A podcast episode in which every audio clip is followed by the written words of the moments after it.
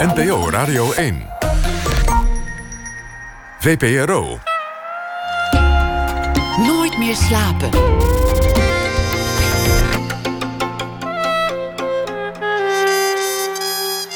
Met Clary Polak.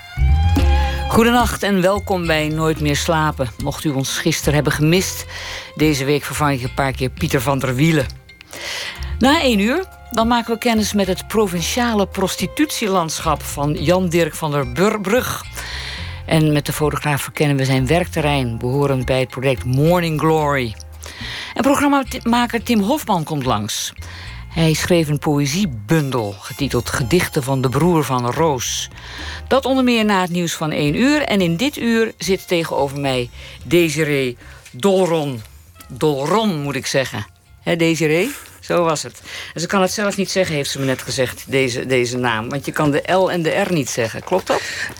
Ik kan ze wel zeggen, maar niet achter elkaar Niet achter elkaar, oké. Dat lijkt me ongelooflijk ingewikkeld. Afijn, ik ga je even introduceren. Want uh, jij, jij bent een internationaal en nationaal vermaard fotograaf. Een van de meest succesvolle fotograaf van dit moment, denk ik wel. Um, je behoort in ieder geval tot de top 5 van de best verkopende Nederlandse kunstenaars. Dat is ook wel een prettig gegeven. En er is nu een overzichtstentoonstelling van haar werk in het Singermuseum in Laren. En die tentoonstelling kan ik echt van harte aanbevelen, want haar werken nodigen bijna zonder uitzondering uit tot kijken, kijken en nog eens kijken. Of het nu gaat om haar beelden van mensen die de vreselijkste kwellingen ondergaan om verlossing van het lichaam en van het bewustzijn te bereiken. Of interieurs die de gelatenheid van het leven op Cuba weergeven. Of het nu gaat om verstilde onderwaterportretten, gezichten van van, nou, als waren, het van, waren ze gemaakt van porselein. Of over haar videokunstwerken. Het is mysterieus, aangrijpend, afstotend en beeldschoon tegelijk. Herken je je eigenlijk een beetje in deze uh, beschrijving? Nou, ik zou zo zeggen, dankjewel Claire. dankjewel. Klinkt heel mooi allemaal, ja. Ja, ja nou, vind je het ook leuk dat ik afstotend zeg? Uh, dat is jouw persoonlijke mening, ja. dus dat is... Uh wat jij vindt? Nou, we gaan het straks over hebben wat ik soms afstotend vind... en tegelijkertijd dus inderdaad fascinerend. Want terwijl ik dit allemaal zeg, denk ik... wat is het toch een handicap om een gesprek over beeldende kunst te doen op de radio. Um, het wordt een hele opgave. Waarom heb je hier eigenlijk ja tegen gezegd? Want jij ziet er ook enorm tegenop, vertelde je me net. Klopt. Ja. Klopt, ja. ja. Waarom heb je er ja tegen gezegd? Um... Niet over nagedacht? Niet over nagedacht. Nou, ik wist eigenlijk niet dat het een uur lang was, laat ik het zo zeggen. Ik dacht dat het iets van tien minuten was. Dus, uh... Oh, net zo vluchtig als het vaak op de radio is. Nou, mooi niet. Ik vind het in ieder geval enorm leuk uh, dat je er bent. Um, je was voor mij, uh, voordat ik je nu kende, een vrij mysterieuze figuur. en dat komt eigenlijk omdat er vrij weinig over jou persoonlijk te vinden is. Hoe komt het dat je zelf zo buiten beeld blijft? Um, niet echt heel erg bewust. Um, nou, misschien eigenlijk wel bewust, ja. Ik maak werk, dus ik vind ook dat ik mezelf niet hoef te tonen. Ik toon werk, dus... Ja, maar je kan de, de maker toch moeilijk um, losmaken van het werk. Nou, als ik dood zou zijn, dan zou ik ook niet meer... Uh, te interviewen zijn. Nee, maar dan zouden wij terug kunnen lezen of terug kunnen luisteren, mag je toch hopen. Uh, um, wat, je, wat je heeft geïnspireerd tot bepaalde werken, wat je er, hoe je het hebt gemaakt. Mm Ik vind dat altijd tenminste heel interessant. Heb je dat zelf niet als jij naar andere kunstenaars kijkt, of andere kunstwerken kijkt, dat je dan ook tegelijkertijd geïnteresseerd bent in de maker? Jawel. Ja. Jawel. Dus? Maar er, is, er zijn boeken van mijn werk verschenen. Er zijn ook interviews. Dus, ja, dus informatie bestaat. Nou ja, als ik jou google op internet... dan is het bijvoorbeeld heel moeilijk om een foto van, van jou te zien. Ik was redelijk verbaasd om te zien dat je een vrij struise, roodhaardige vrouw bent, bijvoorbeeld. uh, ja. ja. Maar ik ben zelf geen model. Ik sta achter de camera. Dus ik hoef ook niet... Ja. Nee. Nee, goed, dat geef ik toe. Dat is niet op zichzelf niet eh, belangrijk. Hoewel, we komen straks op dat rode haar nog even terug in verband met je werk. Ja. Dus, uh, maar dat laten we nog even een cliffhanger. Het is wel grappig dat ik jou nu hier tref in de studio. Gisteren had ik hier Helene van Rooyen. Die alles van zichzelf deelt met de wereld, mag ik wel zeggen. Ja. En uh, jij blijft het liefst onzichtbaar. Wat een contrast. Vind je? Ja, dat lijkt me wel. Um, ik ga toch proberen om iets meer van je te weten te komen. Wanneer kreeg jij je eerste camera bijvoorbeeld? Mm, toen ik een jaar of dertien was. Van je ouders, of niet? Van mijn ouders, ja. Ja. Mm. Wat, en, wat, en, en was dat gewoon omdat alle kinderen, omdat als ze dertien zijn, nou eenmaal een camera krijgen? Of had je toen al belangstelling? Ik had toen al belangstelling voor fotografie, ja. ja. ja. En had je dat van je ouders meegekregen? Nee, helemaal niet. Ik kom niet uit een creatief milieu. Uit wat voor milieu kom je? Um, vader was ondernemer, zakenman. Ja. Moeder huisvrouw. Dus um, niet echt een culturele achtergrond. Nee, helemaal ook niet meegekregen. Geen culturele... Ik bedoel, ondernemer kan ook uh, ja, leuk vinden was om naar musea te gaan. Nee, maar deze ondernemers niet. Nee. nee. Oké, okay, dus, dus, dus op je dertiende kreeg je je eerste camera. En wat fotografeerde je toen? Uh, ja vriendinnen, uh, landschappen. We woonden aan zee. Dus ook veel natuur op het strand en de duinen. Weet je, dat soort dingen. Ja. Vriendinnen, ja, ik, ik bedoel, toen ik mijn eerste camera kreeg... deed ik alleen maar landschappen op vakanties bijvoorbeeld. Ja. Dus op zichzelf ligt het niet voor de hand om je vriendinnen te, te om, om die uh, te fotograferen. Nee, maar ik had al heel vroeg het idee dat ik modefotografe wilde worden. Dus daar kwam het meer vandaan. Juist, het ging eigenlijk meer om wat ze aan hadden. Onder andere, ja. ja. ja.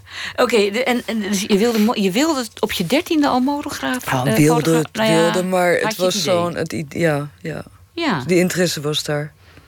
En je ook, ook met het idee om daar echt je beroep van te maken al? Nou, ik denk niet dat je echt op je dertiende al bezig bent met je, met je beroep. Maar het was gewoon een, uh, iets wat ik heel leuk vond om te doen. Ja. ja. En het was leuk om te doen? Of vond je het ook leuk om naar foto's te kijken? Dat ook, ja.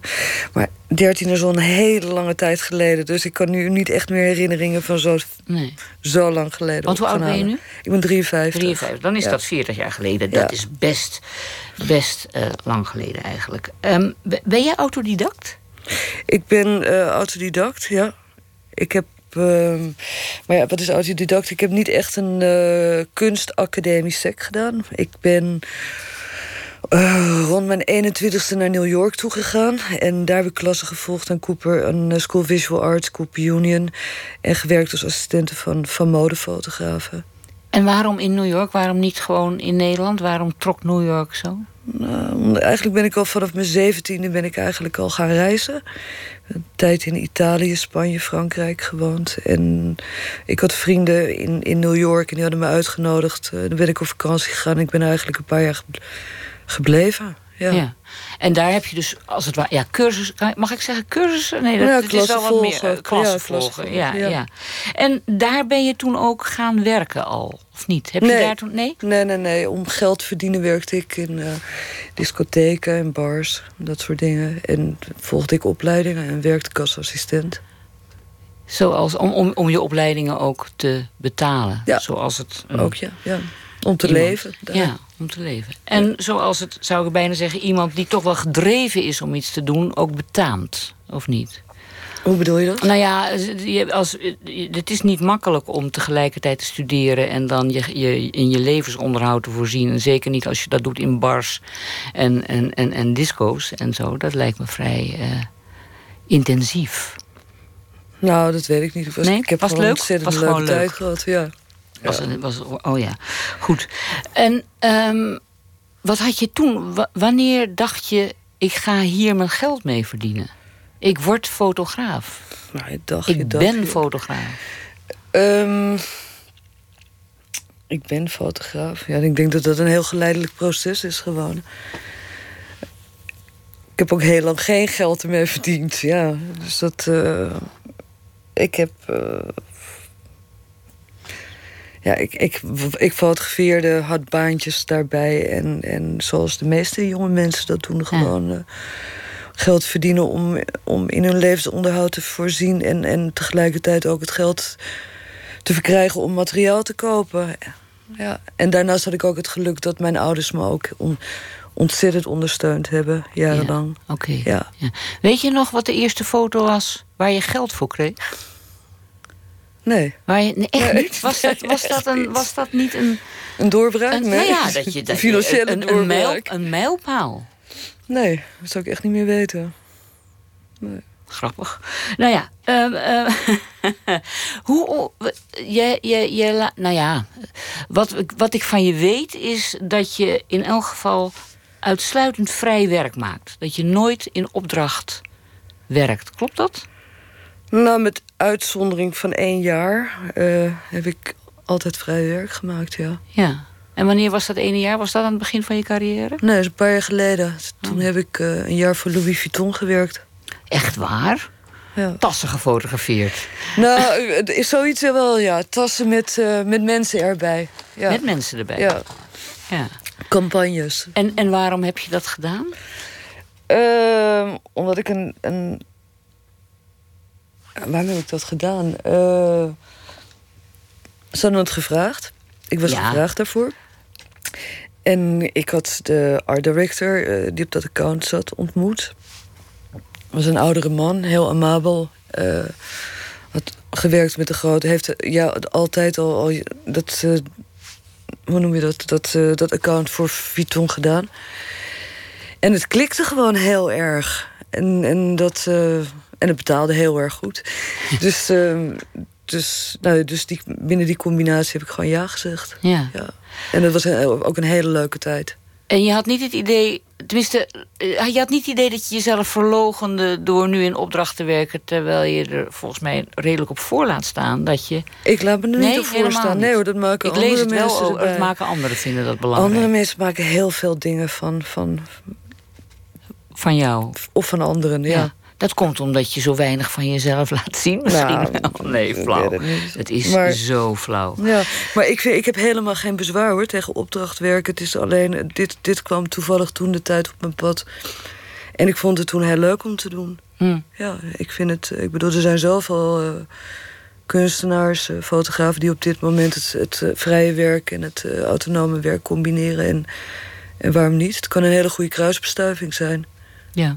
Want het is ook, eh, is ook wel gezond, denk ik. Omdat autonoom werk maken is toch heel erg alleen.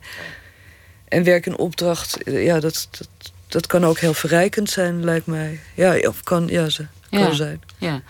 Eh, eh, laten we, laten we, we hebben even met je galeriehouder gebeld natuurlijk. Eh, ehm, volgens hem is jouw werk heel erg persoonlijk. Dus laten we toch even kijken of we aan de hand van dat werk... of we dat kunnen beschrijven... en of we dan toch iets meer kunnen leren kennen van de maker... en ook over de ontwikkeling die in je, in je werk zit. Ehm, je vroegste werk op de tentoonstelling in elk geval... is een bundeling van reisreportages. Hè? Dat klopt. Klopt. En, ehm, ehm, en daarin, zitten, daar, daarin worden religieuze rituelen getoond. Uit India in eerste instantie, maar ook uit Thailand, Filipijnen, Marokko, Ja, en Pakistan. Pakistan. Ehm, je hebt een jaar in India gewoond, begreep ik. Eén keer een half jaar en twee keer drie maanden. Ja. Dus bij elkaar een jaar. Ja, En, en, en, wat, en, en, en waarom ging je daar naartoe? Wa- wa- Wat, Omdat ik er nog nooit eerder geweest was. Ja. omdat het, gewoon, omdat het land me intrigeerde. En dus daarom wilde ik daar naartoe. En je had geen vooropgesteld plan? Heb ik, nee, had ik toen de tijd nooit eigenlijk. Toen de tijd nooit, tegenwoordig wel. Meer, ja. Meer. ja. Dus ehm, ehm, hoe kom je er dan toe om al die religieuze rituelen? Omdat tijdens mijn eerste bezoek aan India... ik per toeval eh, in contact kwam met Naga's. Met eh Hindoestaanse ehm, priesters. En ik raakte heel erg geïntrigeerd door deze groep. En ik werd op een gegeven ogenblik ook uitgenodigd... door een van die mannen om, om met hem op te verblijven.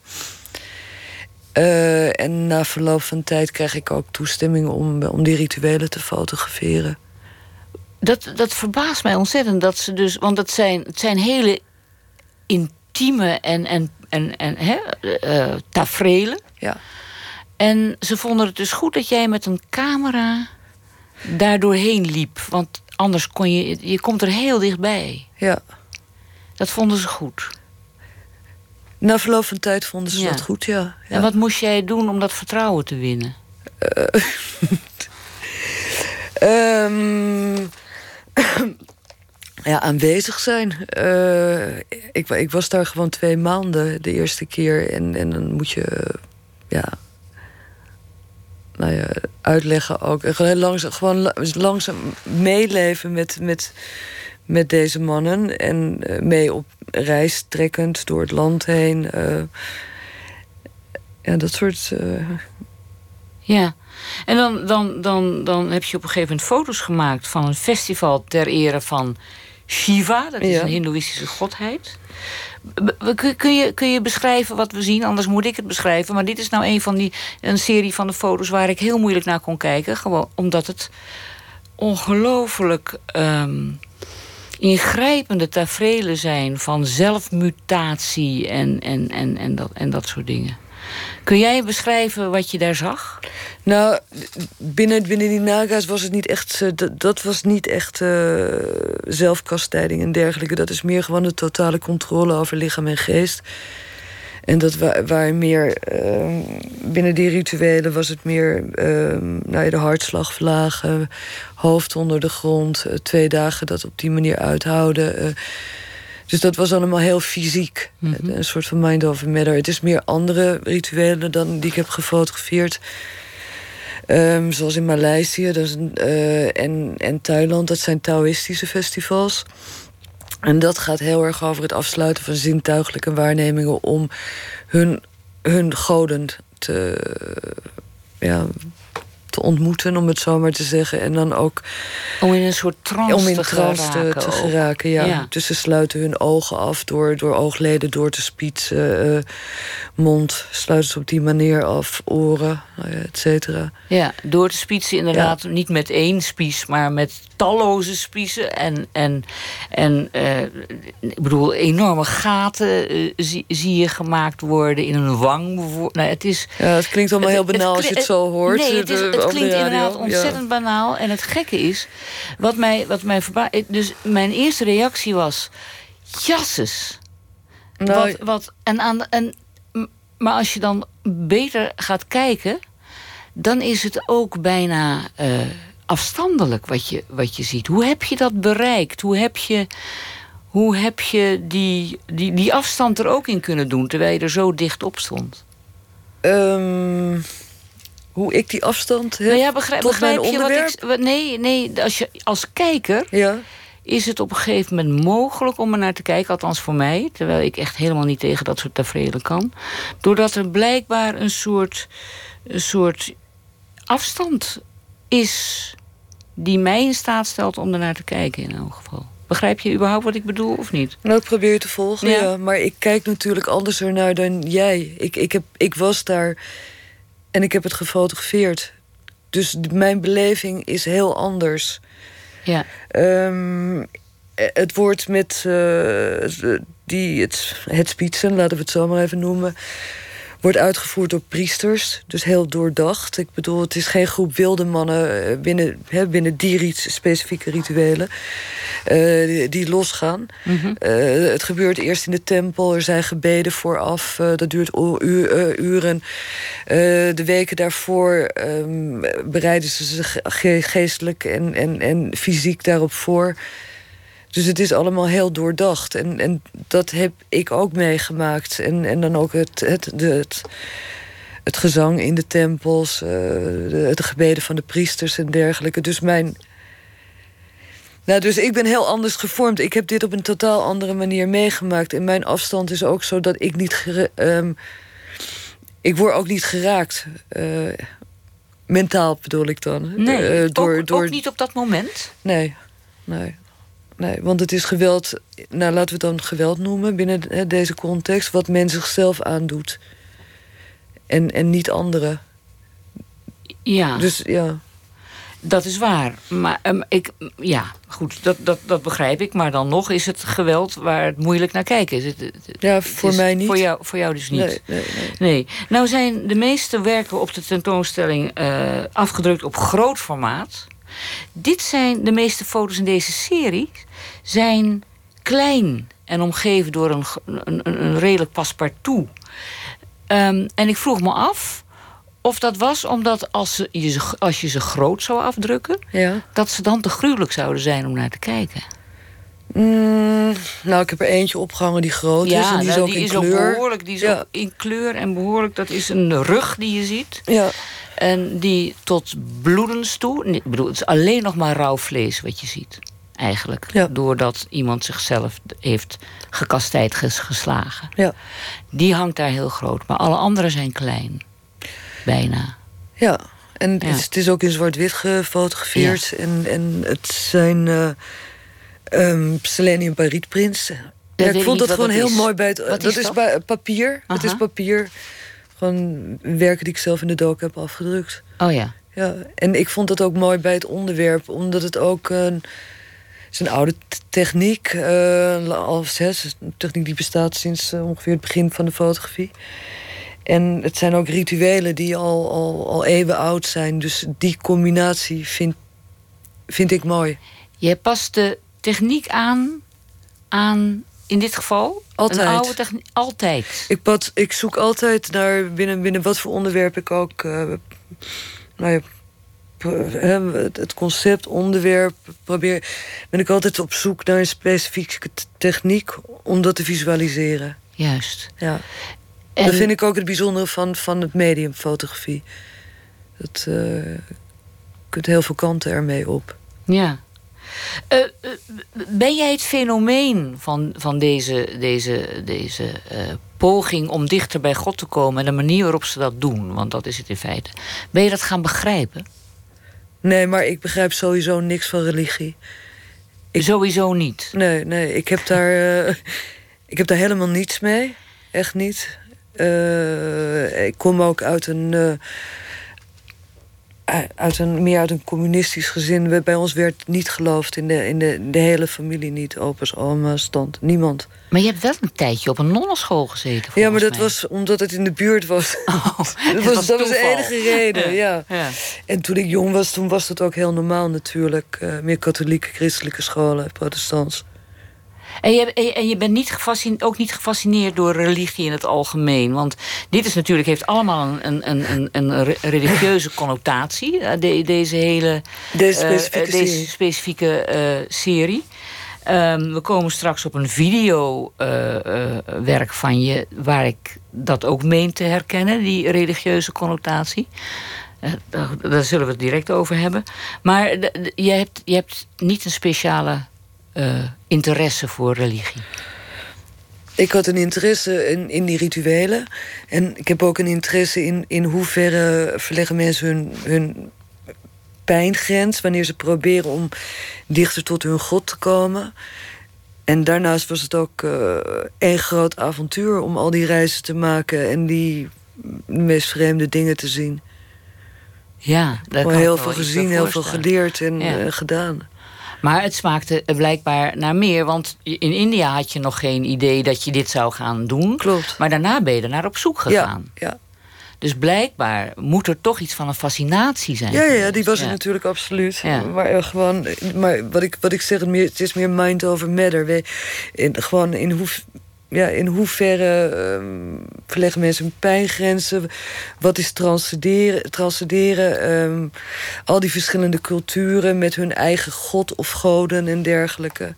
Ja, heb je er met ze over gepraat ook? Heb je ooit naar het waarom gevraagd? Of Ja, heel vaak. Ja? Ja. En konden ze dat uitleggen? Wil- Nou, er is gewoon geen waarom. Ik denk, geloof, eh, het geloof is daar.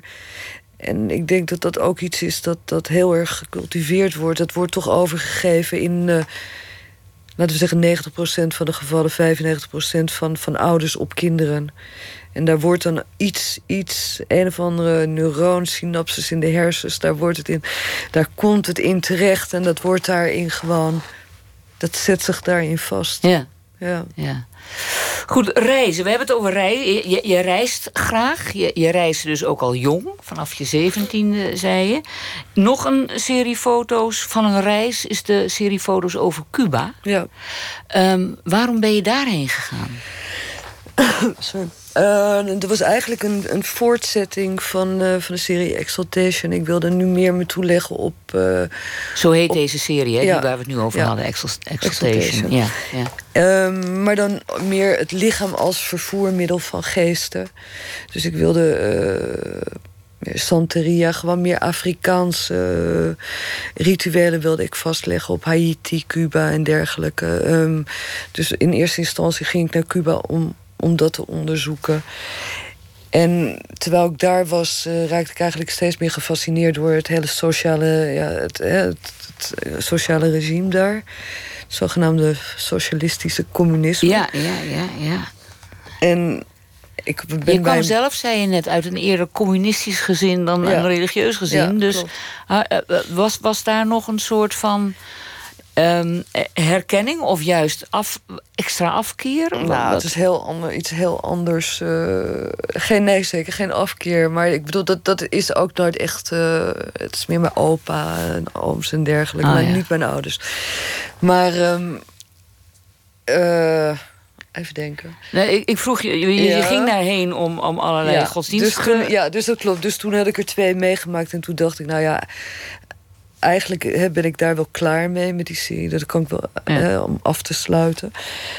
En tegelijkertijd vond ik. Nou, dus mijn, mijn, ik heel erg geïnteresseerd in gewoon in, in, in, in de Cubaanse samenleving. Ja. En daarbij heb ik ook, ik ben ook een, uh, heb ik ervoor gezorgd dat ik de Cubaanse fotograaf Alberto Corda ontmoette. Uh, die is heel lang dus lijffotograaf van Castro geweest. En via hem, de gesprekken met hem en dergelijke...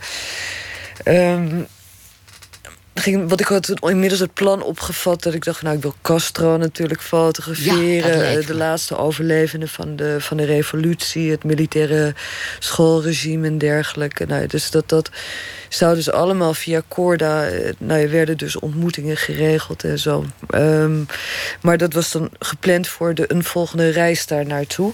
Want ik moest ook weer terug naar Nederland voor een tentoonstelling. Juist. En. Um, toen had ik, nou ja, toen, toen ik dus uh, terugging, dus net voordat ik terugging naar Cuba, was Corda overleden.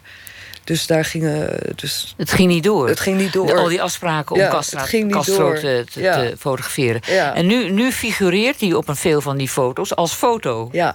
ja. Aan de wand. Ja, want hij is overal. Ja. Het is onontkoombaar. Dus dat, dat, ja.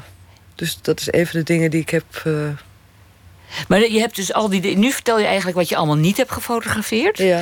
Maar wat heb je wel gefotografeerd? Je hebt, je hebt een om, de omgeving gefotografeerd van de plek waar je logeerde. Ja, klopt. 100 meter ja, nou, in, 100, in de omtrek meter, of zo. Ja, de, ja. in de cirkel daaromheen. Ja.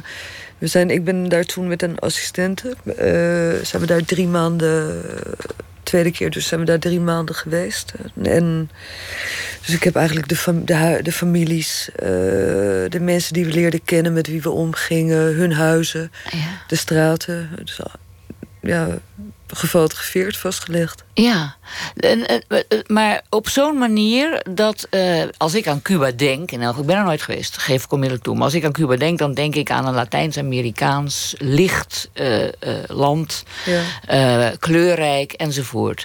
Jou, jouw foto's, dus er, er, zitten, er zijn wel mensen op, maar altijd bijna in ja, silhouet, zou ik maar zeggen. Of als onderdeel van een soort, wat ik bijna decor zou noemen. Van een groter geheel. Van een, groot, ja, van een groter geheel. Maar waarbij maar het gaat om het groter toch? geheel. Ja. ja. Maar dat zijn ze ook. Ze zijn onderdeel eigenlijk van een... Uh, ja, van een soort experiment, vind ik het eigenlijk. Wat ja, niet gewerkt heeft. Een mislukt, een Ja. mislukt experiment. En wilde je dat ook laten zien? Nou, ik. Ja, wat, wat wil je laten zien? Wat wil je laten zien? Ik was met name geraakt door, door de. door hoe de mensen daar eigenlijk. door de passiviteit. eh, hoe ze alles ondergaan. Ja. Ja, je ziet ook veel mensen tegen deurposten hangen, Ja. overigens, eh, op, die, op die foto. ja, maar die mensen hebben heel weinig te doen ook. Ja. Hè? Het is Fidel Ze Castro hebben die niks op- en ze hebben niks te doen. Nee. Hm. Nee, ze er is weinig werk, er is weinig voedsel. Het is net genoeg. Eh, er is geen entertainment. Eh, nou ja, gaan we door. Dus dat is wat er gebeurt. Ja, toch had ik. Ik vond, ik vond het ik vond dat dus, ik vond het licht op die foto's zo mooi.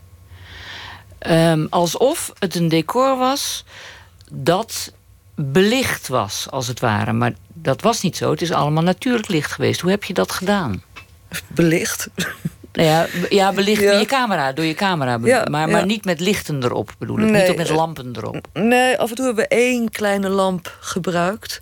Maar dat is dan meer om, uh, gewoon een hele zachte lamp... om een persoon uh, uit, iets, uit de, iets uit te liggen, lichten. Maar voor de rest de stils waar waar geen mensen op aanwezig zijn. Dat zijn allemaal... Uh, ik heb gewerkt met een technische camera, camera daar voornamelijk. Dus een platencamera, 4 bij 5. Um, en dat zijn allemaal belichtingstijden van tussen de 15 en 30 minuten. Zo lang? Zo lang. En als er dan iets verandert in het beeld, wat, wat gebeurt er dan? Er verandert niets in een Er verandert niks. Nee. ik las wel ergens dat er iemand op een gegeven moment een vuilniszak uit het raam ja, uh, gooide. Ja. En, en, dat je dat. Toen zijn we rennend uh, door die straat heen gegaan en uh, de vuilniszak uit de weg geruimd en, en weer terug naar de camera gerend. En omdat de sluitertijd is van 30 minuten, zie je geen Zie je dat Zie niet? je dat niet, oh, nee. ja, grappig. Goed. We, we, spreken zo verder. We gaan even luisteren naar muziek. Kan je even ademhalen? Eventjes achterover leunen. Ja. En uh, gaan wij luisteren naar The Kick. Uh, Nederlandse beatband. En we, van hun nieuwe album, Stad en Land... gaan we naar het titelnummer luisteren.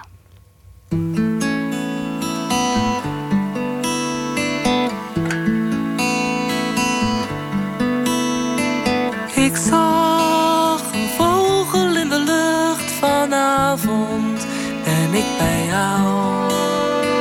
Ik weet, de stad is licht en leeg vanavond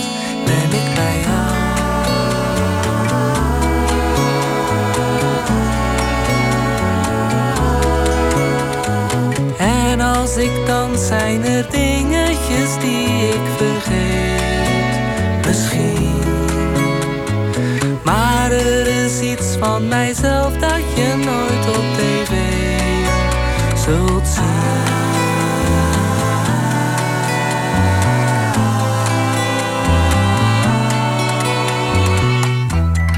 Over de brug van stad naar land zouden dat zijn. Het zal wel en ik stuur met één hand.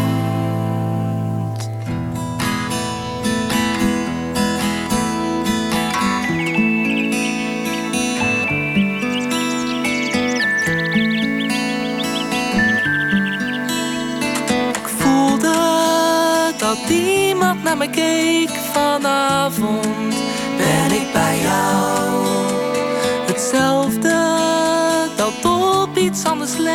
Vanavond. Ben ik bij jou?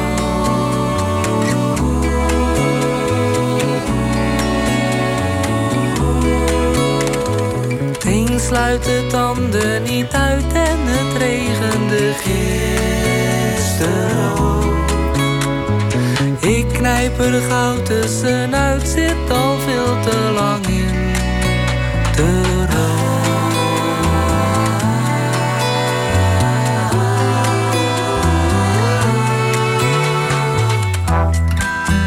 De brug van stad naar land zouden dat echte wolken zijn. Het zal wel en ik stuur met één hand.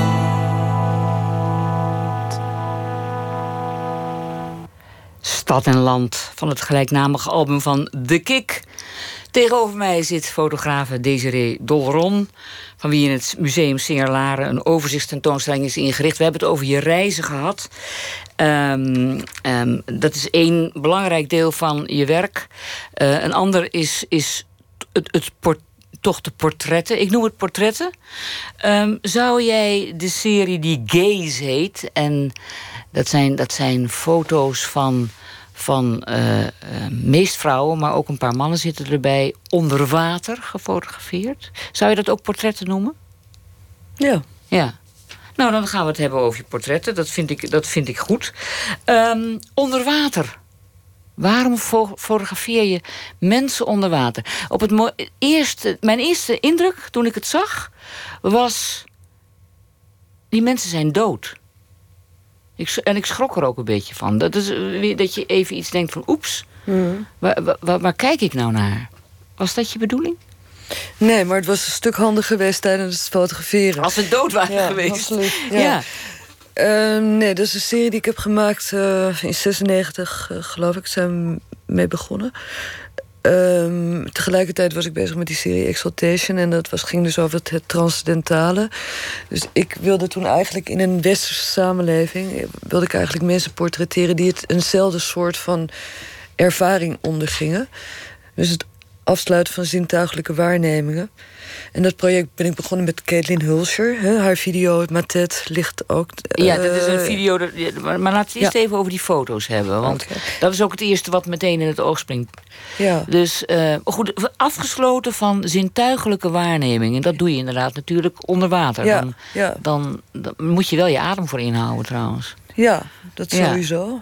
En als je je ogen sluit, dan ben je eigenlijk en geen reuk hebt, niets meer kunt horen, et cetera, dan ben je overal van afgesloten.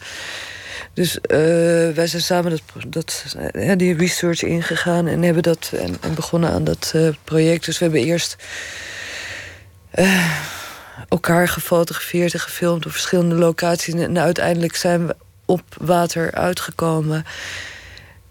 En daaruit is die serie ontstaan. Ja, maar in tegenstelling tot die, die uh, serie Exaltation... Ja. is dit een serie waar een, enorme uh, serene rust uitstraalt. Ja. Dat kan je van die andere serie niet zeggen. Ligt eraan naar welke rituelen je kijkt. Ik denk uh, binnen het Taoïstische festival, The Vegetarian heet het... Ehm, vind ik ook dat de portret... Ik zelf vind dat de portretten heel veel rust uitstralen. Ja. Ja, dat vind ik ook. Eh, rust en sereniteit. Ja.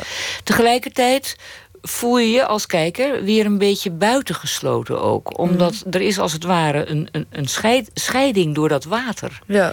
Je hebt het idee dat je er niet bij kan.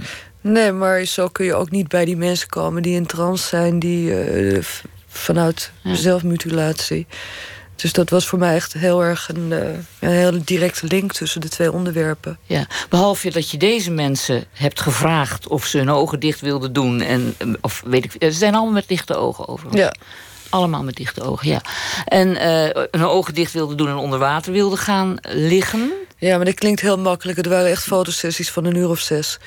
Dus dat die mensen constant onder water moesten. Dus wat je krijgt is een gebrek aan zuurstof in de hersens. Uh, er gebeurt gewoon mentaal en fysiek van alles. Dus het is niet zomaar van ze liggen even onder water, maar het, het, zijn hele. Het is fysiek heel uitputtend. En er gebeuren ook natuurlijk allerlei processen via het bloed en het zuurstof in de hersens. Als je dat zo vertelt, dat, daar kan ik dus niets van zien. In die, want eh, nogmaals, sereniteit, rust. Ja. Uh, uh, dus, dus wat jij nu vertelt dat, dat, de, de, dat het ook bijna een marteling is, zullen maar even zeggen. Ja, dat, dat, daar zie ik helemaal niets van terug. Dat vind ik dus maatloos interessant om te horen. Mm. Um, dat wordt nergens beschreven. Ja, maar het gaat om het eindproduct. Het gaat jou om het eindproduct. Ja. Ja. ja. Want dat voor mij is het heel... Ja. Het rare is namelijk, uh, uh, er is een uitzondering... en dat is die video waar je het over had. Welke? Er ligt een video op de grond. Ja. Uh, nee, in, in, bij, in die serie van die portretten. Ja. En dat is een video, daar zie je ook een vrouw onder water. Ja. die daarentegen is helemaal niet sereen. Aanvankelijk wel trouwens. Het is een video van twee minuten zoveel, geloof ik. Aanvankelijk wel, maar die gaat zich steeds meer bewegen en, en alsof ze in een soort nachtmerrieachtige situatie is. Is dat precies wat er eigenlijk gebeurde met al die mensen, maar wat we niet zien op die foto's? Dat was heel erg verschillend van persoon tot persoon. Hmm.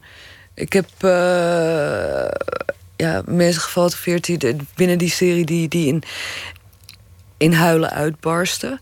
Uh, een ander, een van die mannen die, nou ja, met die baard, dat grote portret, ja, dat een profiel. Man, ja, ja. Die, uh, dat is een zwerver die ik al jaren kende eigenlijk. Zo zag je er eh, ook uit. Is ja, bij mij uit de, uit de buurt, maar die was al zeven jaar niet onder de douche geweest. Die, was, die had een fobie voor, voor water ontwikkeld.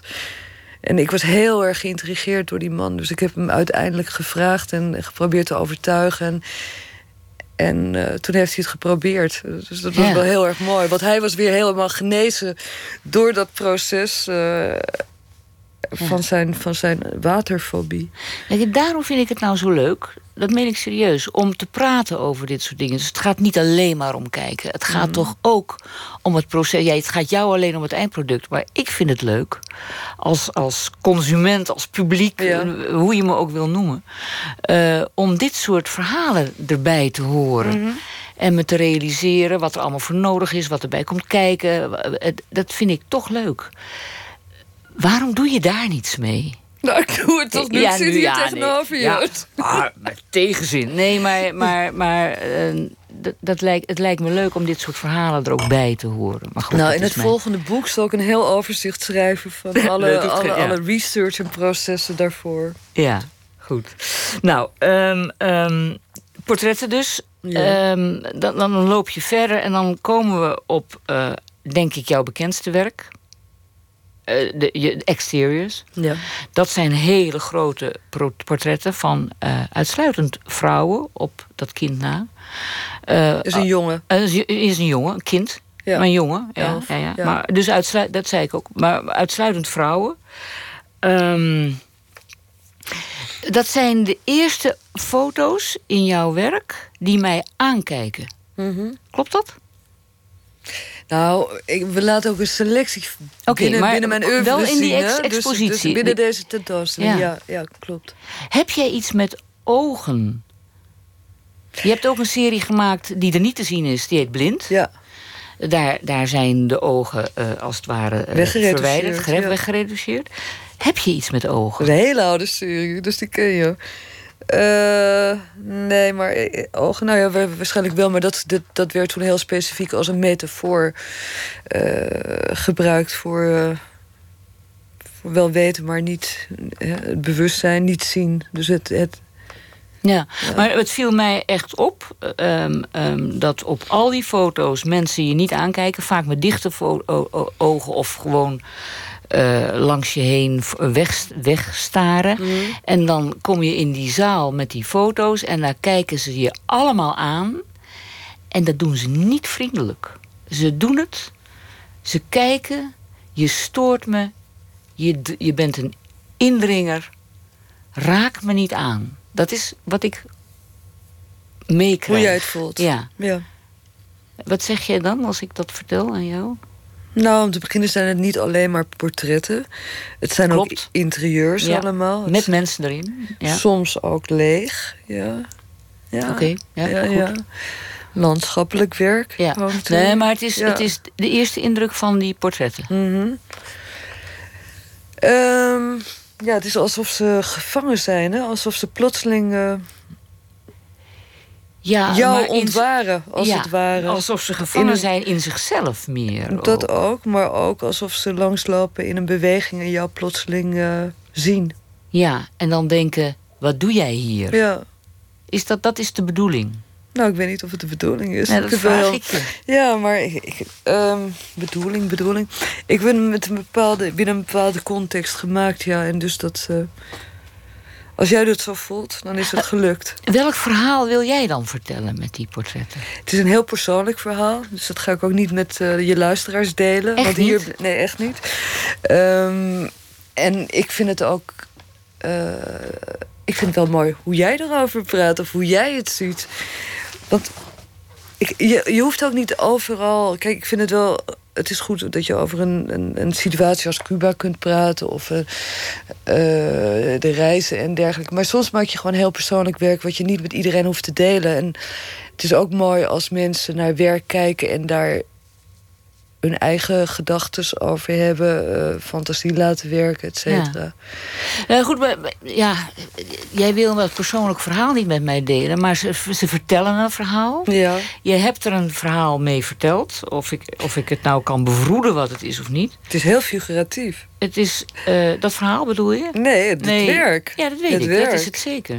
Maar waarom wil je mij dat verhaal niet Nou, vertellen? niet alleen jou, ik vind het gewoon ook wel goed. Om, het is persoonlijk. Het Ja. is echt. Ik hoef dat niet echt te delen. Nee, maar ik wil zo graag dat je het deelt. Ik ben geïnteresseerd in de maker Ja. van portretten die mij, die mij gevangen houden als ik naar maar ze het kijk. intrigeert je. Ja, het intrigeert me. Ja. Maar dat is precies de bedoeling. Ja, maar dat gaat toch niet anders worden als jij mij vertelt wat je geïnspireerd heeft of gefascineerd heeft? Of... Ehm, het is onder andere voortgekomen uit, een, uit een, een, een gebeurtenis die ik als kind heb gehad. Ehm, daarover heb ik een, een verhaal geschreven. En dat heb ik als narratief genomen om dit werk te maken. Dus je hebt dat verhaal geschreven, Ik heb het verhaal geschreven. maar niet gepubliceerd. Nee. Nee. Ik En heb wil het werk gemaakt. Je hebt het werk gemaakt.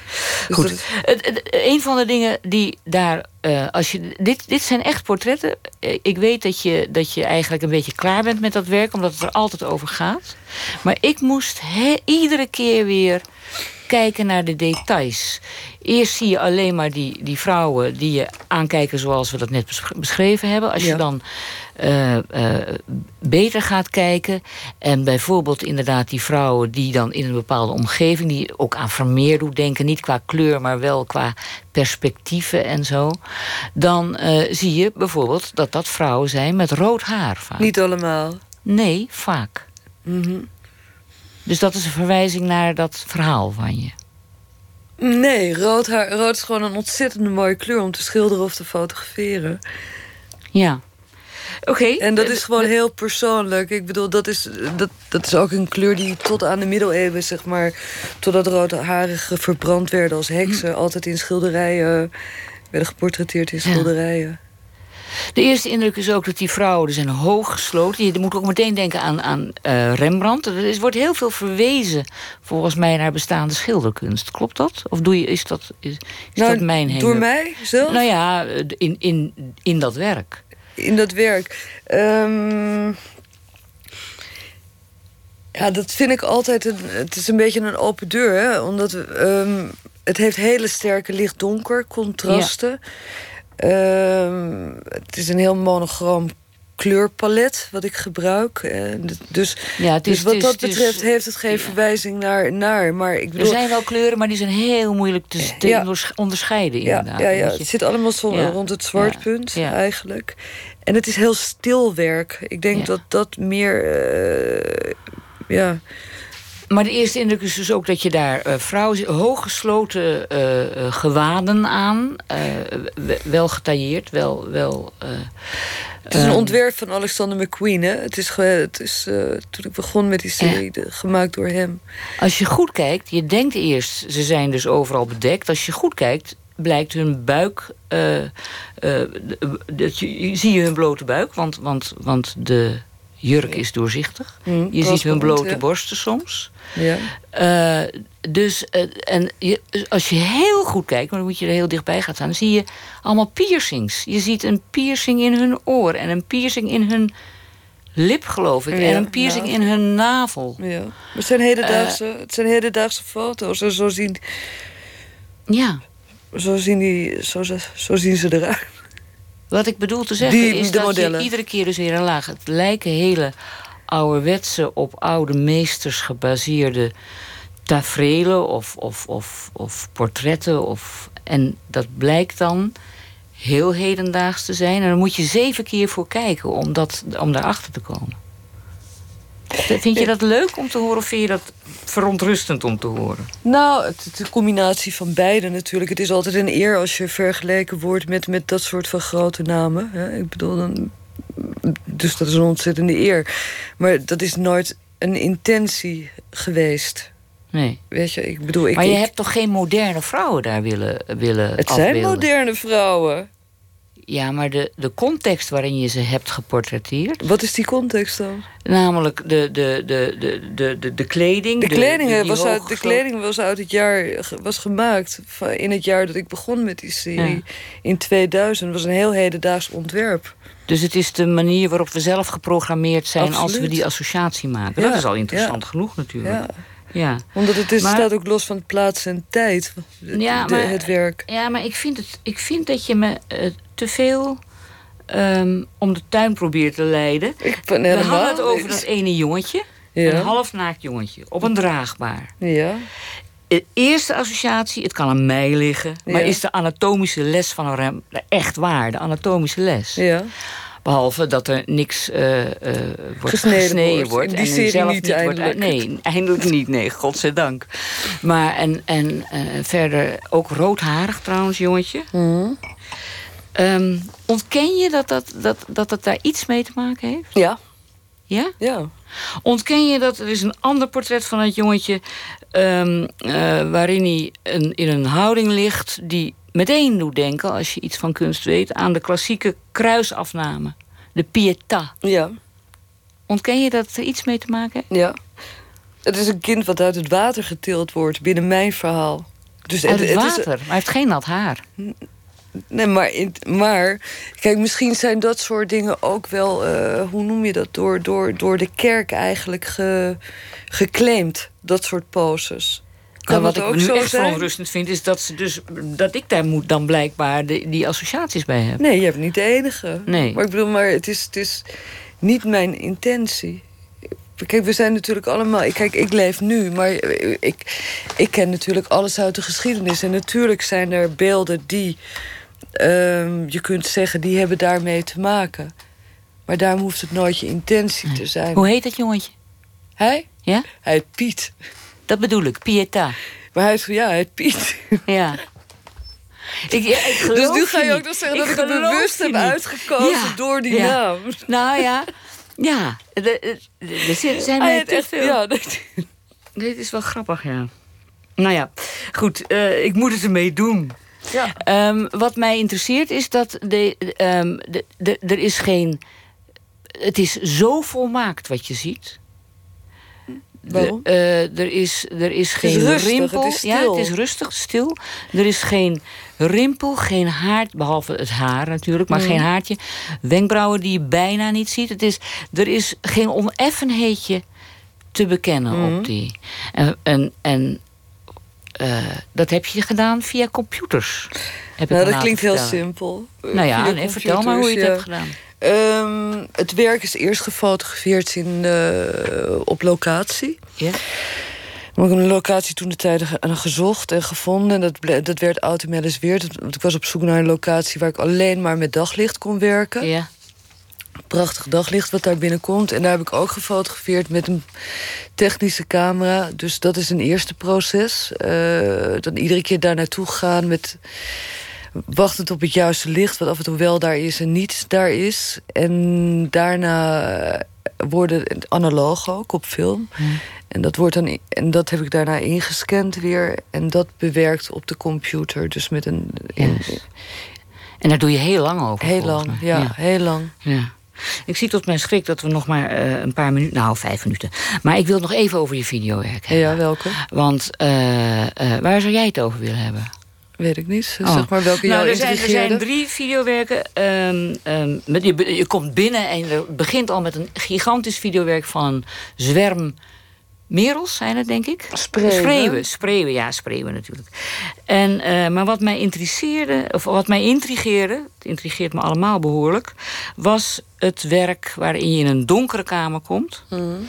uh, volledig verduisterd, en daar uh, zie je een videowerk waarvan ik meteen dacht, dat is het heelal. Mm -hmm. um, nou heet het I will show you fear in a handful of dust. Ja. En dat is een zin uit, een, uh, uit The Wasteland van T.S. Eliot. Ja. ja. Dus wat, wat, wat wil jij, wat, wat zie ik hier? Zie Ja. ik, zie ik het heelal? Zie ik stof? Wat zie ik? Je ziet stof. Je ziet uh, stof gefilmd op een. Uh, ja, ongeveer op een. Hoe noem je dat? 4, 10 bij 10 centimeter stof. Dus het is bijna een soort van de power of ten. Hè? Dat Ja. je iedere keer die stappen neemt. Wat je hier om je heen gewoon hebt. Is gewoon daar in het heelal uh, exact hetzelfde zo ongeveer. En wat is de fear? De angst? Voor sterven. Ja, ik had helemaal geen angst toen ik het zag. Nee, maar, dat, uh, de, maar veel mensen wel. Ja? Het is ook een werk wat ik heb gemaakt toen uh, bij, mijn beide ouders eigenlijk ziek waren. En uh, dat mijn vader stierf. En dat ik echt gemaakt heb naar aanleiding daarvan eigenlijk, van dat hele proces. Maar is het dan inderdaad, want dat was waar ik het eerder dit gesprek over had, is het dan inderdaad een verwijzing naar de Bijbel, stof zijt gij en tot stof zult gij wederkeren? Nou, je kunt het ook in een filosofische context nemen natuurlijk. En je kan het ook in een wetenschappelijke context zien. En wat is het? Hoe, in welke context moet ik het zien? Uh, wat jou betreft? Wat mij betreft... Uh, filosofisch en wetenschappelijk. maar vooral niet godsdienstig? Nee, nee, nee. Nee. Nee. nee. Ja, en dat is ook wel weer heel leuk, want wat ik dan leuk vind op die tentoonstelling is dat, dat mensen denken dat dat stof. En ook uh, Uncertain, de video wat uh, door het moeras heen gaat. Ja. Daarvan denken mensen dus dat het een animatie is. Allemaal. Um, en dan met uh, het werk Complex Systems, de, de spreeuwen. Dat zijn die spreeuwen, ja. ja. Daarvan denken ze dus dat het spreeuwen zijn, maar dat is een 3D-animatie. Dat is een 3D-animatie. Ja, ja, ja, Zie je, ik word doorlopend door jouw werk op het verkeerde been gezet. Dat is wel duidelijk, dat mag dit gesprek toch wel eh, hebben uh, bewezen. Wat ik overigens ontzettend leuk vond, want, vind, want dat is natuurlijk wat kunst uiteindelijk dient te doen met de mens, of niet? Onder andere. Oké. Okay. Ik wil je ontzettend bedanken dat je het hebt aangedurfd om een uur lang hier over je werk te praten. En uh, ik, vond het, ik kan het echt iedereen aanraden. Het is nog tot en met 14 mei is de tentoonstelling in het Zinger in Laren te zien. Ik vertel u nog even dat straks na het nieuws we onder meer uh, uh, spreken met weer een fotograaf, Jan Dirk van der Brug. Maar dat gaat over een heel ander project. Dat is het project Morning Glory. En dat zijn foto's van parenclubs en bordelen, veelal in de provincies. Dus dat moet u vooral niet verwarren met waar we het net over hadden. En uh, ook horen we wat Don Duins bij het nieuws van de voorbije dag heeft geschreven. Na het nieuws van 1 uur.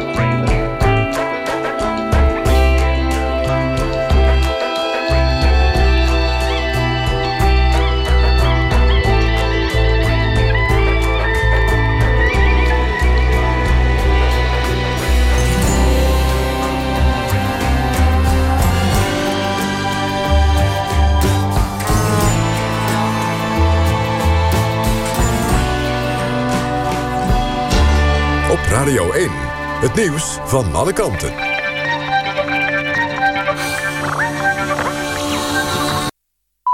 Het is 1 uur, dit is Mautschreurs met het NOS Journaal.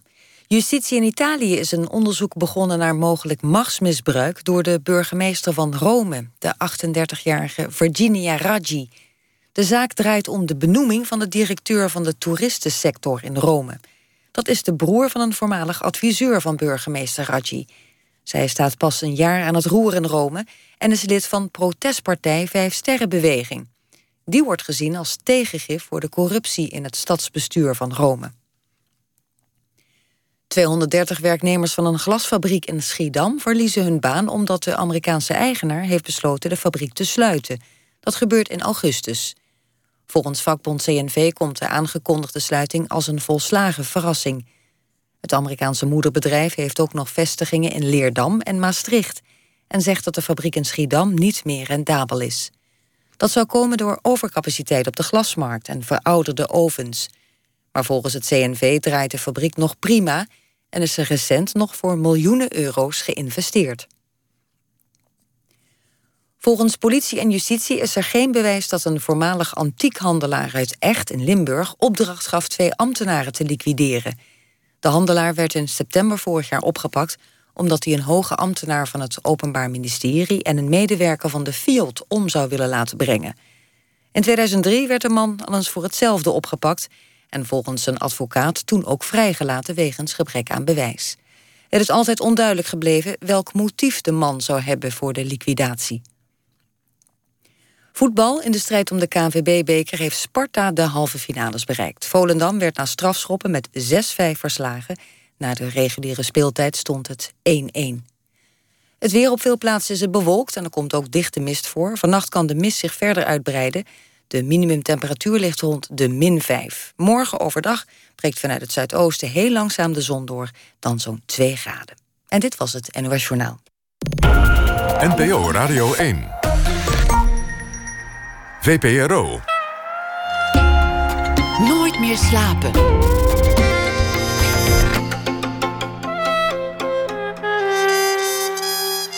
Met Clary Polak. Ja, welkom terug bij Nooit meer slapen. Straks spreken we met fotograaf Jan-Dirk van der Brug... over de vergane glorie van parenclubs en bordelen.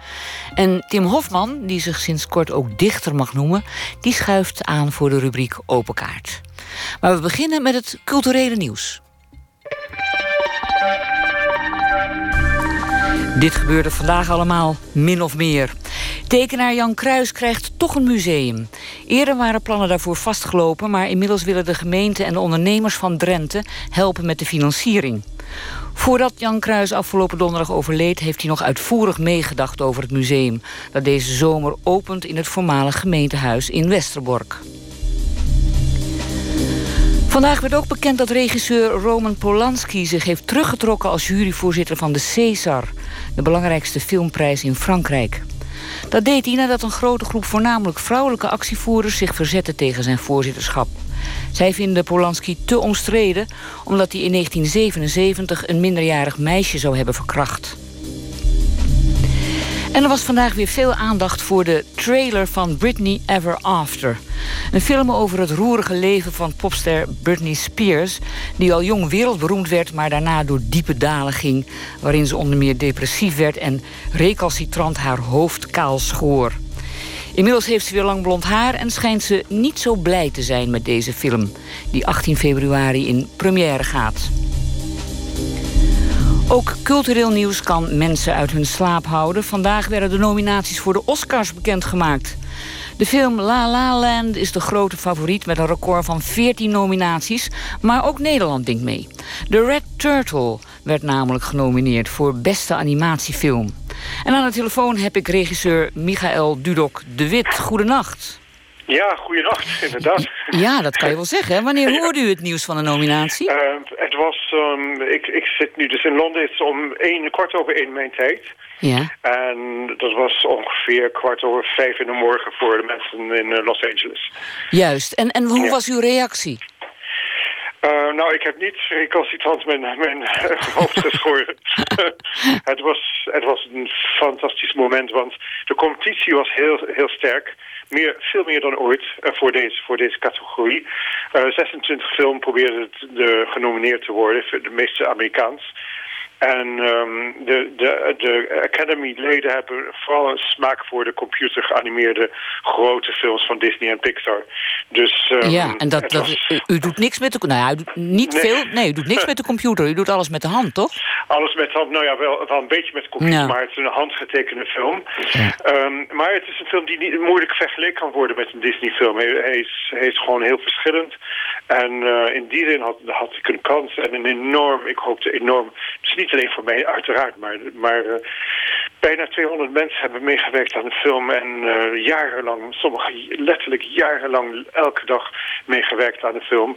Uh, dus ik ben gewoon zo blij voor de hele groep. Ja, ja. Het kon natuurlijk niet uitblijven. Hè? Ik bedoel, die film is zo al omgeroemd. Mij, mij verbaasde het helemaal niet. Oh, dank u wel. ik moet toegeven dat, dat, dat me zeer raakt zoals die in Nederland ontvangen is. Ja. Heel, heel, daar ben ik ontzettend trots op. Ontzettend. En um, in Amerika was de pers goed, maar hij, is nog nou, hij was nog nauwelijks gezien. Dus um, nu, nu, nu komt hij pas... Oh, uh, verleden week is hij uitgekomen in de bioscopen in Los Angeles en New York. Ah, dus nu kan hij ook in Amerika een kaskraker worden, begrijp ik. Nou ja, in ieder geval geapprecieerd. het, ja, het blijft een, een indie, zoals het noemen, een arthouse movie. Ja. Is, dat, is dat belangrijker dat die gewaardeerd wordt dan dat het een kaskraker is? Um, voor mij als, als, als artiest, ja. Voor mij zeker. Uh, want als ik een kaskraak had willen maken, zou ik een... Uh, nou, ik zou het sowieso niet, waarschijnlijk niet hebben gewild, maar ik zou het anders hebben aangepakt. Met ja. testen, met test op publiek en met, met ervaren mensen die weten hoe je, hoe, hoe je een, een kaskraker moet maken, als duidelijk. Ja. Um, maar tegelijkertijd, het is een film voor het publiek. Ik heb als voorbeeld de films van Studio Ghibli Tokyo... Die, die, die heel veel karakter hebben, die echt persoonlijk zijn... en toch heel goed lopen met, met het publiek in het algemeen in, in Japan. En dat is een mooi voorbeeld juist, voor, mij. Juist. U won al eerder een Oscar natuurlijk... voor uw eh, korte animatiefilm uh, Father and Daughter. Um, ja. Vertel eens, wat, wat heeft die prijs betekend voor uw carrière? voor mijn carrière, meteen letterlijk weken na die uh, awards ceremony, um, kreeg ik een telefoontje van een uh, um, advertising agency in, in Minnesota. En die wilde graag dat ik um, een paar commercials maakte in de stijl van mijn korte film. Met, en dat ik dus de regisseur ben. En dat is uitzonderlijk, dat had ik nog nooit meegemaakt. Ik had mm. wel commercials gemaakt, maar gewoon als anoniem, als, als anonieme animator. Uh, of, en regisseur. Maar in deze, dit, deze keer wilden ze echt mee. En en, ze droegen me echt. En ze zeiden, wat denk jij ervan? En, en uh, je stelt voor wat je, wat je wilt enzovoort. En dat was fantastisch. Dat was een, een ongeveer alles samen een half, een half dozijn commercials.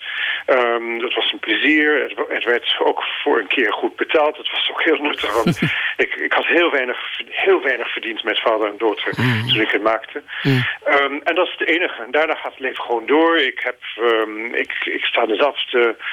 Ik, sta dezelfde, ik ben in dezelfde positie als andere mensen die uh, voor, voor subsidies uh, vragen voor korte films enzovoort. Juist, ja. Deze lange film Um, sommige producenten zijn ambitieus, hebben veel over Oscars gesproken sinds het begin. Maar de, de basisproducenten, uh, dus in Tokio en in Parijs, die, die, die wilden mij, die wilden, uh, die wilden met mij werken enzovoort. En oké, okay, ik heb een smaak voor film, voor mijn films hebben een vallen in de smaak van het publiek, maar ze hebben nooit over Oscars gesproken. En nee, nee. Maar goed, u hebt wel al een Oscar. Het voordeel is natuurlijk dat als u hem nu wint... dat u dan geen nieuw dankwoord meer hoeft te schrijven. ja, nou eerlijk gezegd, zo zie ik het niet. Oh. Nee, ik moet, ik moet uh, wel toegeven dat um, ik ben super trots op deze nominatie. Maar de, de Academy-leden hebben, hebben toch een, een, enorme smaak voor, voor films zoals uh, Zootopia en, en, uh, en Moana. De, de, grote Disney-films die, die ook genomineerd zijn. Um, die, die, die, die hebben een enorme kans om te winnen. Nou ja, we gaan toch duimen. Oh, dank u. Zullen we dat doen? Dat gaan we doen. Dan doe ik ook. Oké, heel hartelijk dank voor uw reactie. Michael Dudok de Wit. En veel succes. En dat u hem mag winnen.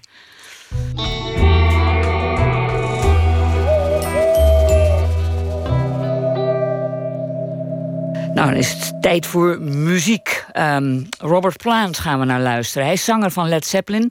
En in 2007 nam hij samen met uh, zangeres Alison Krauss een album op. Raising Sand heette het album. En daar, daarop stond onder meer dit nummer... Stick With Me Baby.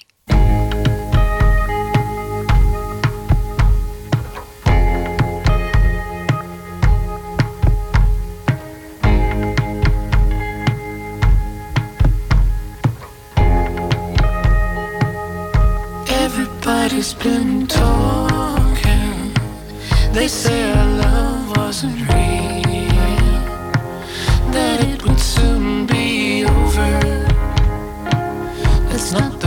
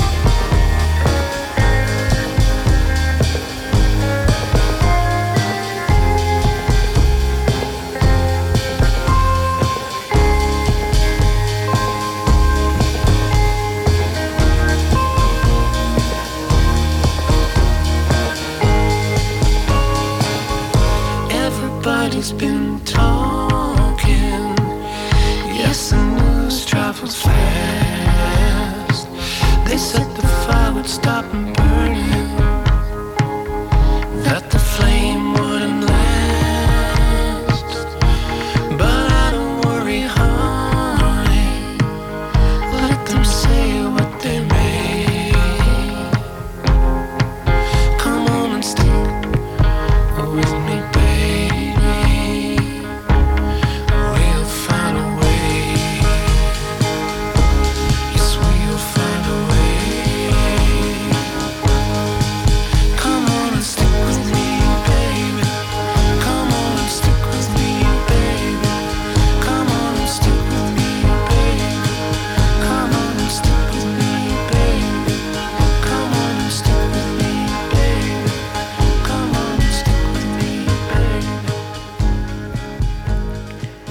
Stick With Me Baby van Robert Plant en Alison Krauss. Nooit meer slapen. De fotograaf Jan Dirk van den Burg noemt zijn nieuwe werk zelf een aanzichtkaartbox waarin bordelen en parenclubs met glamourtekort in het zonnetje worden gezet. Dat ga ik nog een keer lezen. Hij noemt zijn nieuwe werk een aanzichtkaartbox waarin bordelen en parenclubs met glamourtekort in het zonnetje worden gezet. Hij stond er een klein jaar vroeg voor op om vanuit de hoofdstad af te reizen naar de provincie. Zo bezocht hij Club Chantal in Klein Ulsda, Sanne Privé in Herten en de Escape in Doetinchem. Om de clubs vlak na sluitingstijd in de vroege ochtendlicht te fotograferen. Een blik op het provinciale prostitutielandschap. Matthijs Deen zocht de fotograaf op om een kijkje te nemen bij Club Paradise. Zijn ochtendtafereeltjes vol vrede eigenlijk, de foto's van Jan Dirk. Verstilde panden in een dommelend landschap, ochtendnevel op de akkers rondom... een stilgevallen windvaan op het dak, nu de storm is gaan liggen. Of een tafereel op een stil industrieterrein. Het eerste zonlicht strijkt langs de dichte coniferenrij en de schutting... die vanaf de openbare weg het zicht ontnemen op het discrete parkeerterrein. De rolluiken zijn naar beneden. De vuilnis is alvast buiten gezet. Het parkeerterrein is leeg. Er is niemand. Ook in deze branche zijn er momenten dat er geslapen wordt. Dat het werk erop zit. En dat al naar gelang de spijt, de schaamte, de verzaliging en de teleurstelling verbleken in het eerste ochtendlicht. Dit is Secret Dreams in Arnhem. Het is een, paar, eh, is een parenclub. Het heette vroeger Club, Club Jasmijn. Daar kennen misschien de mensen het beter van. Het zit naast de, het zit naast de kringloopwinkel op industrieterrein Baggersweide. Jan Dirk heeft ze allemaal gezien en gefotografeerd. Altijd in dat eerste licht. Altijd vanaf een afstand. De eigenaar noemt het geloof ik eh Relaxpaleis. Maar het is natuurlijk een, eh, ja, één grote prostitutie. Vaak in de periferie van het land, de grens niet ver weg. Van, eh, dan net zo goed autobanden of aardappels in kunnen liggen. Maar het is dus gebouwd door een, door een, au- een autosloper, Ido Smit. In die zin is Paradise, waar hij me mee naartoe genomen heeft, een uitzondering. Die staat op een bedrijventerrein in Amsterdam-Noord. En wat ik vooral zo mooi vind, dat de naam Club Paradise... Ja, op zo'n golfplaten loods... het is wel de, het etablissement waar het contrast van de naam... en de allure van de, van de vestiging... eh, dat contrast, dat is echt hier heel groot.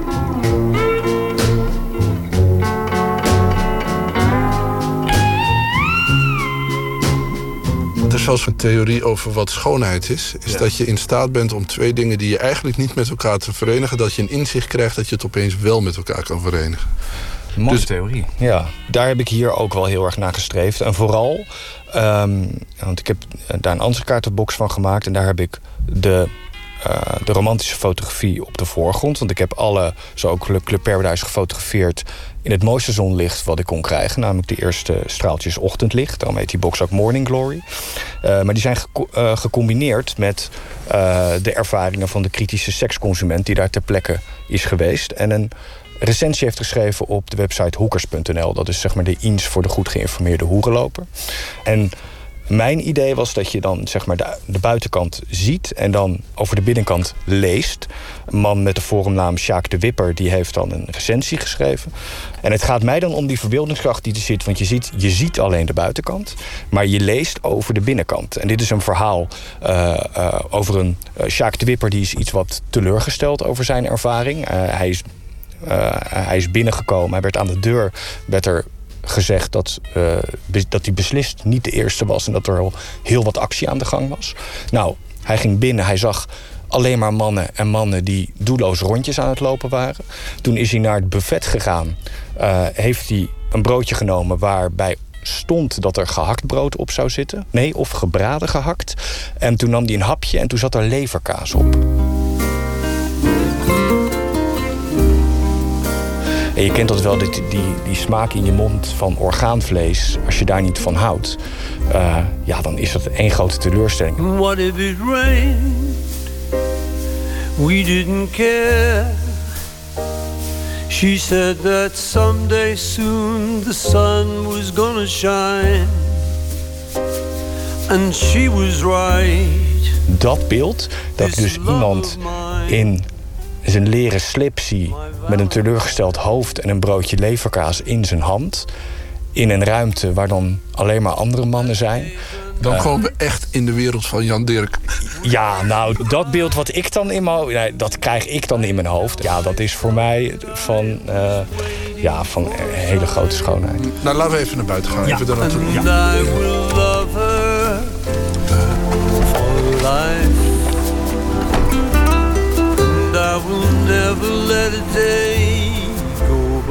Ja, hier zit uh, Islamitisch Centrum Cuba.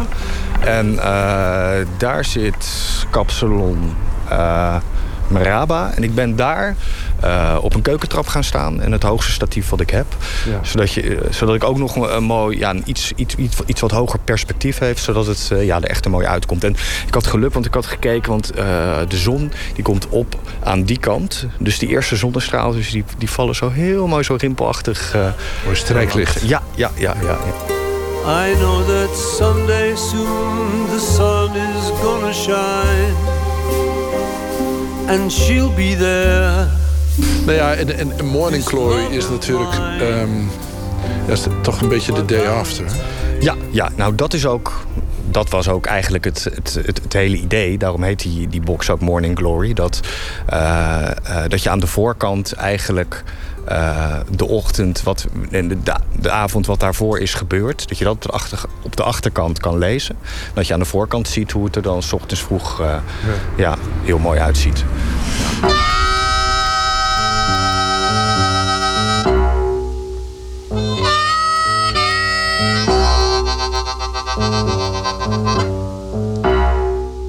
Aan de keerzijde van de foto's heeft Jan Dirk in kleine lettertjes recensies afgedrukt van mannen die de weg naar de clubs Secret Dreams, Escape, Dynamite voor SM, Sanne Privé of Club Picobello weten te vinden voor de vervulling van hun fantasieën of de inlossing van hun verlangens.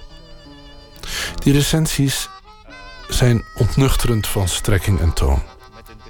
Niet zozeer omdat het proza niet altijd even kies of fijnzinnig is. Vandaag met volle zak naar Doetinchem gereden. En maar vooral omdat blijkt dat ook de bordeelschuimer veel hobbels en tegenvallers op zijn levenspad heeft te incasseren.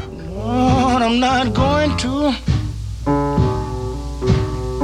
spend the night by myself. Mensen proberen allemaal iets, ja. maar als je er van een afstandje naar kijkt, dan heeft het ook iets aandoenlijks. Ja. Uh, vind jij mensen aandoenlijk of ook wel een beetje bespottelijk? Nou ja, ik schep natuurlijk wel een enorm genoegen aan uh, het dagelijkse gedoe. En wat, ja, dat iedereen er maar het beste van wil maken in het leven. En uh, ja, een beetje de spartelende kant van de mensheid te belichten. Zeggen, ja, hoe noem je... Ja, zeg maar, de, de mensen zitten vol met goede bedoelingen... en iedereen die probeert er het beste van te maken en dat lukt niet altijd. En, nou, en die kant, dat het eigenlijk niet altijd lukt... maar dat het ook prima is, want uh, zo zitten we allemaal een beetje in elkaar... en dat mensen dat kunnen, kunnen herkennen... vind ik zelf altijd een hele troostrijke gedachte... dat sommige dingen die je dan onderneemt, sommige lukken wel en sommige niet... Waarom is dat troostrijk? Nou, omdat je je daarmee dan, uh, dan ook veel makkelijker met je, met je teleurstellingen om kan gaan eigenlijk. Dat dingen niet lukken, maar dat je daar ook wel een bepaalde schoonheid in kan zien.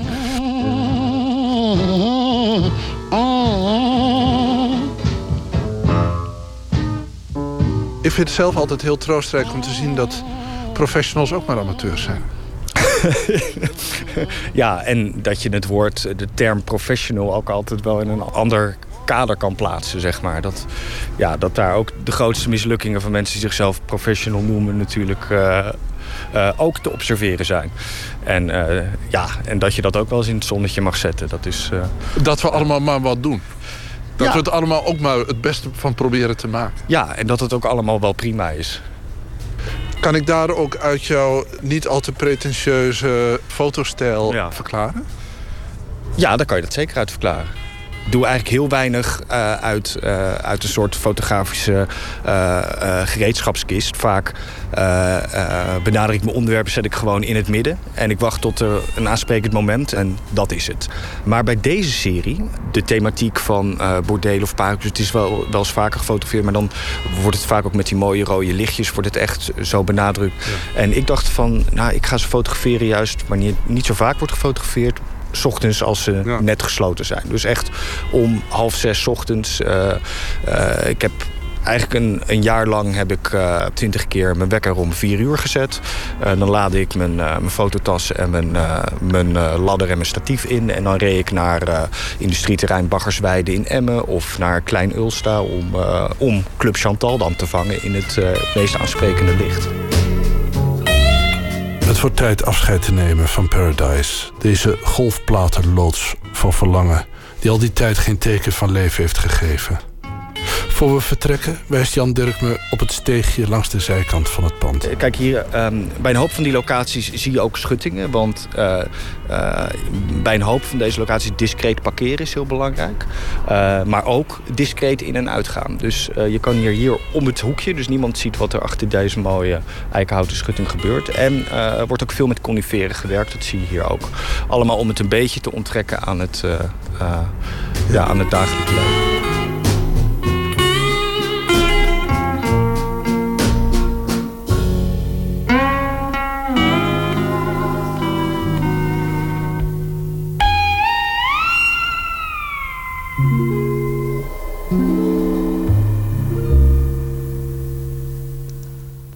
De aanzichtkaartbox Morning Glory is te bestellen op de website van fotograaf eh, Jan Dirk van der Brug, jandirk.com. U hoort een bijdrage van Matthijs Deen. En we gaan weer muziek draaien. Platenmaatschappij Ace Records heeft een serie coverplaten uitgebracht onder de noemer Black America Sings. En zo is er ook een met nummers van John Lennon en Paul McCartney. Van die plaat draaien we nu het nummer We Can Work It Out, gezongen door de Amerikaanse soulzangeres Maxine Brown.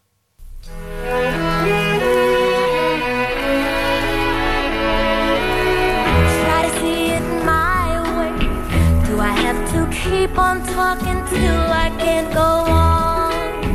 While you see it your way, run the risk of knowing that our love may soon be gone. We can work it out. We can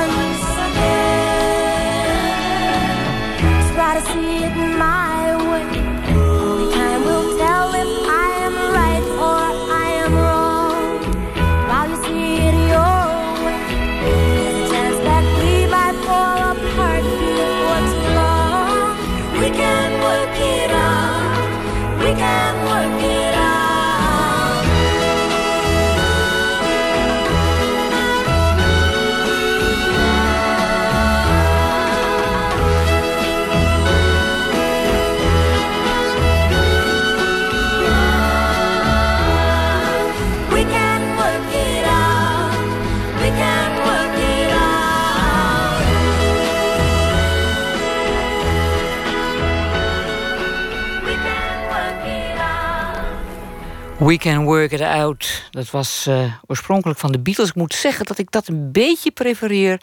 boven de versie die we nu hoorden van Maxine Brown. Open kaart.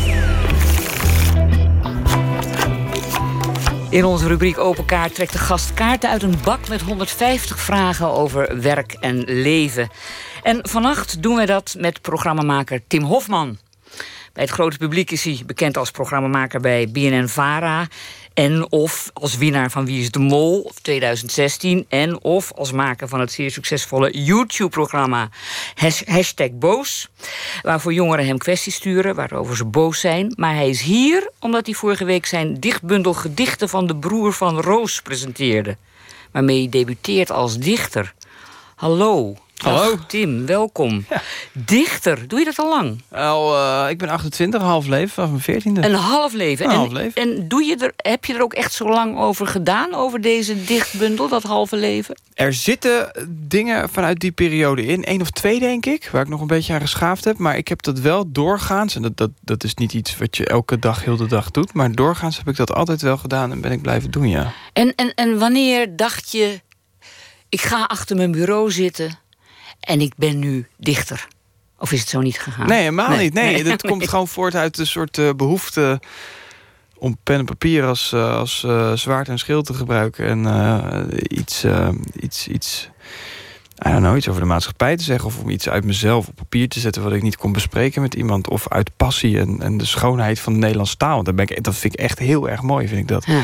Dus dat, dat is zo gelopen. Ik dacht niet, ik word dichter, ik ga dat doen. Maar zwaard en schild klinkt heel erg strijdbaar en maatschappijkritisch. Ja, ook wel eens. Dat, dat ben je natuurlijk ook als programmamaker. Ook als, ja, dat zit daar wel in. En dat uh, uit zich ook op, uh, heeft het in columns geuit. Er zitten niet zoveel, maar wat maatschappijkritische stukjes in dit boek. Um, of, of Twitter. Of...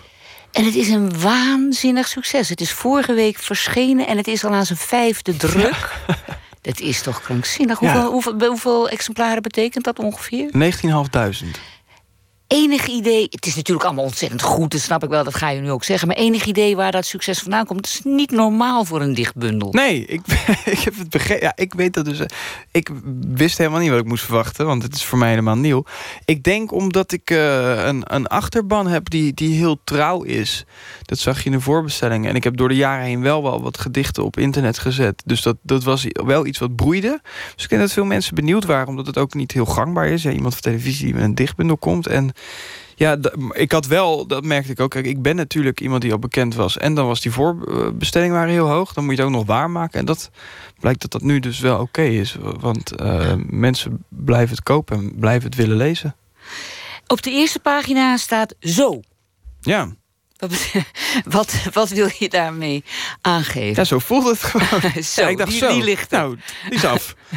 uh, meer dan dat was het niet. Ik dacht, ja, ik kan een heel mooi quote voor inzetten. Of voor papa, mama. Of voor... Ik dacht gewoon, ja, zo. Nou.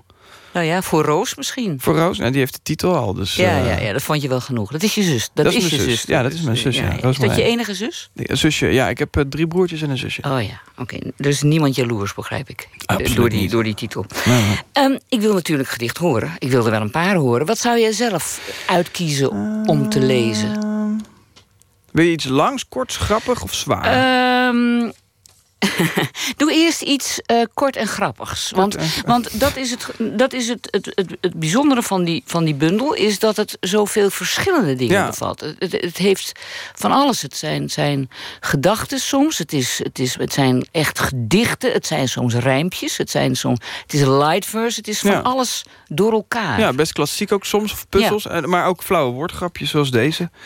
En dat is overgewicht. Was ik maar dik, wat houdt je tegen? Het overwegen. Dat kan ook. Ik vind hem toch leuk. Ja. hij is toch leuk. Ik vind hem niet eens zo flauw. Er staan wel flauweren in. Wat dat Er staan wel betreft. flauw. Ik heb Ja, nog ja, ja. flauwere. Maar Ik vind, ik vind dit wel leuk. Daartegenover ook wat moois, hoop ik. Ja, nou laten we dan eens. eh, eh, Dit is een lang gedicht. De- Denk je dat je dat aan kunt? Ik wel. Eh, ehm, zou jij voor mij Dement to be. We hadden gisteren hier hebben we een heel gesprek gehad van een uur over dementie. Dus misschien is het een beetje veel van het goede. Maar ik zit nog helemaal in die sfeer. Dus eh, als jij dat gedicht voor mij zou willen voorlezen. Dement to be, dat gaat over een, de- eh, een stel waarvan de- man eh, te kamp heeft met dementie. De man die nooit bestond, de dag hiervoor niet ondervond... die daarvoor is vergeten, bij wie een week geen week mag heten. Zit in zijn auto in de straat, zijn vrouw die woedend voor hem staat. Kom eruit, je mag niet meer. Benauwd hem constant, even meer. Bij alles wat hij wil of wilde, hoe zij nooit haar liefde deelde. Niet met hem, ook niet voorheen, nog voor zijn memorie verdween. Zijn hele leven lang geschreeuw, zijn hele leven bang hij trilt. Beseft weer als hij spiekt naar haar, als heimelijk verlangen naar. Het eeuwige vergeten van de mens die hem zijn zijn ontnam. Zijn dromen barsten van haar stem, gescheld zijn voet nog op de rem.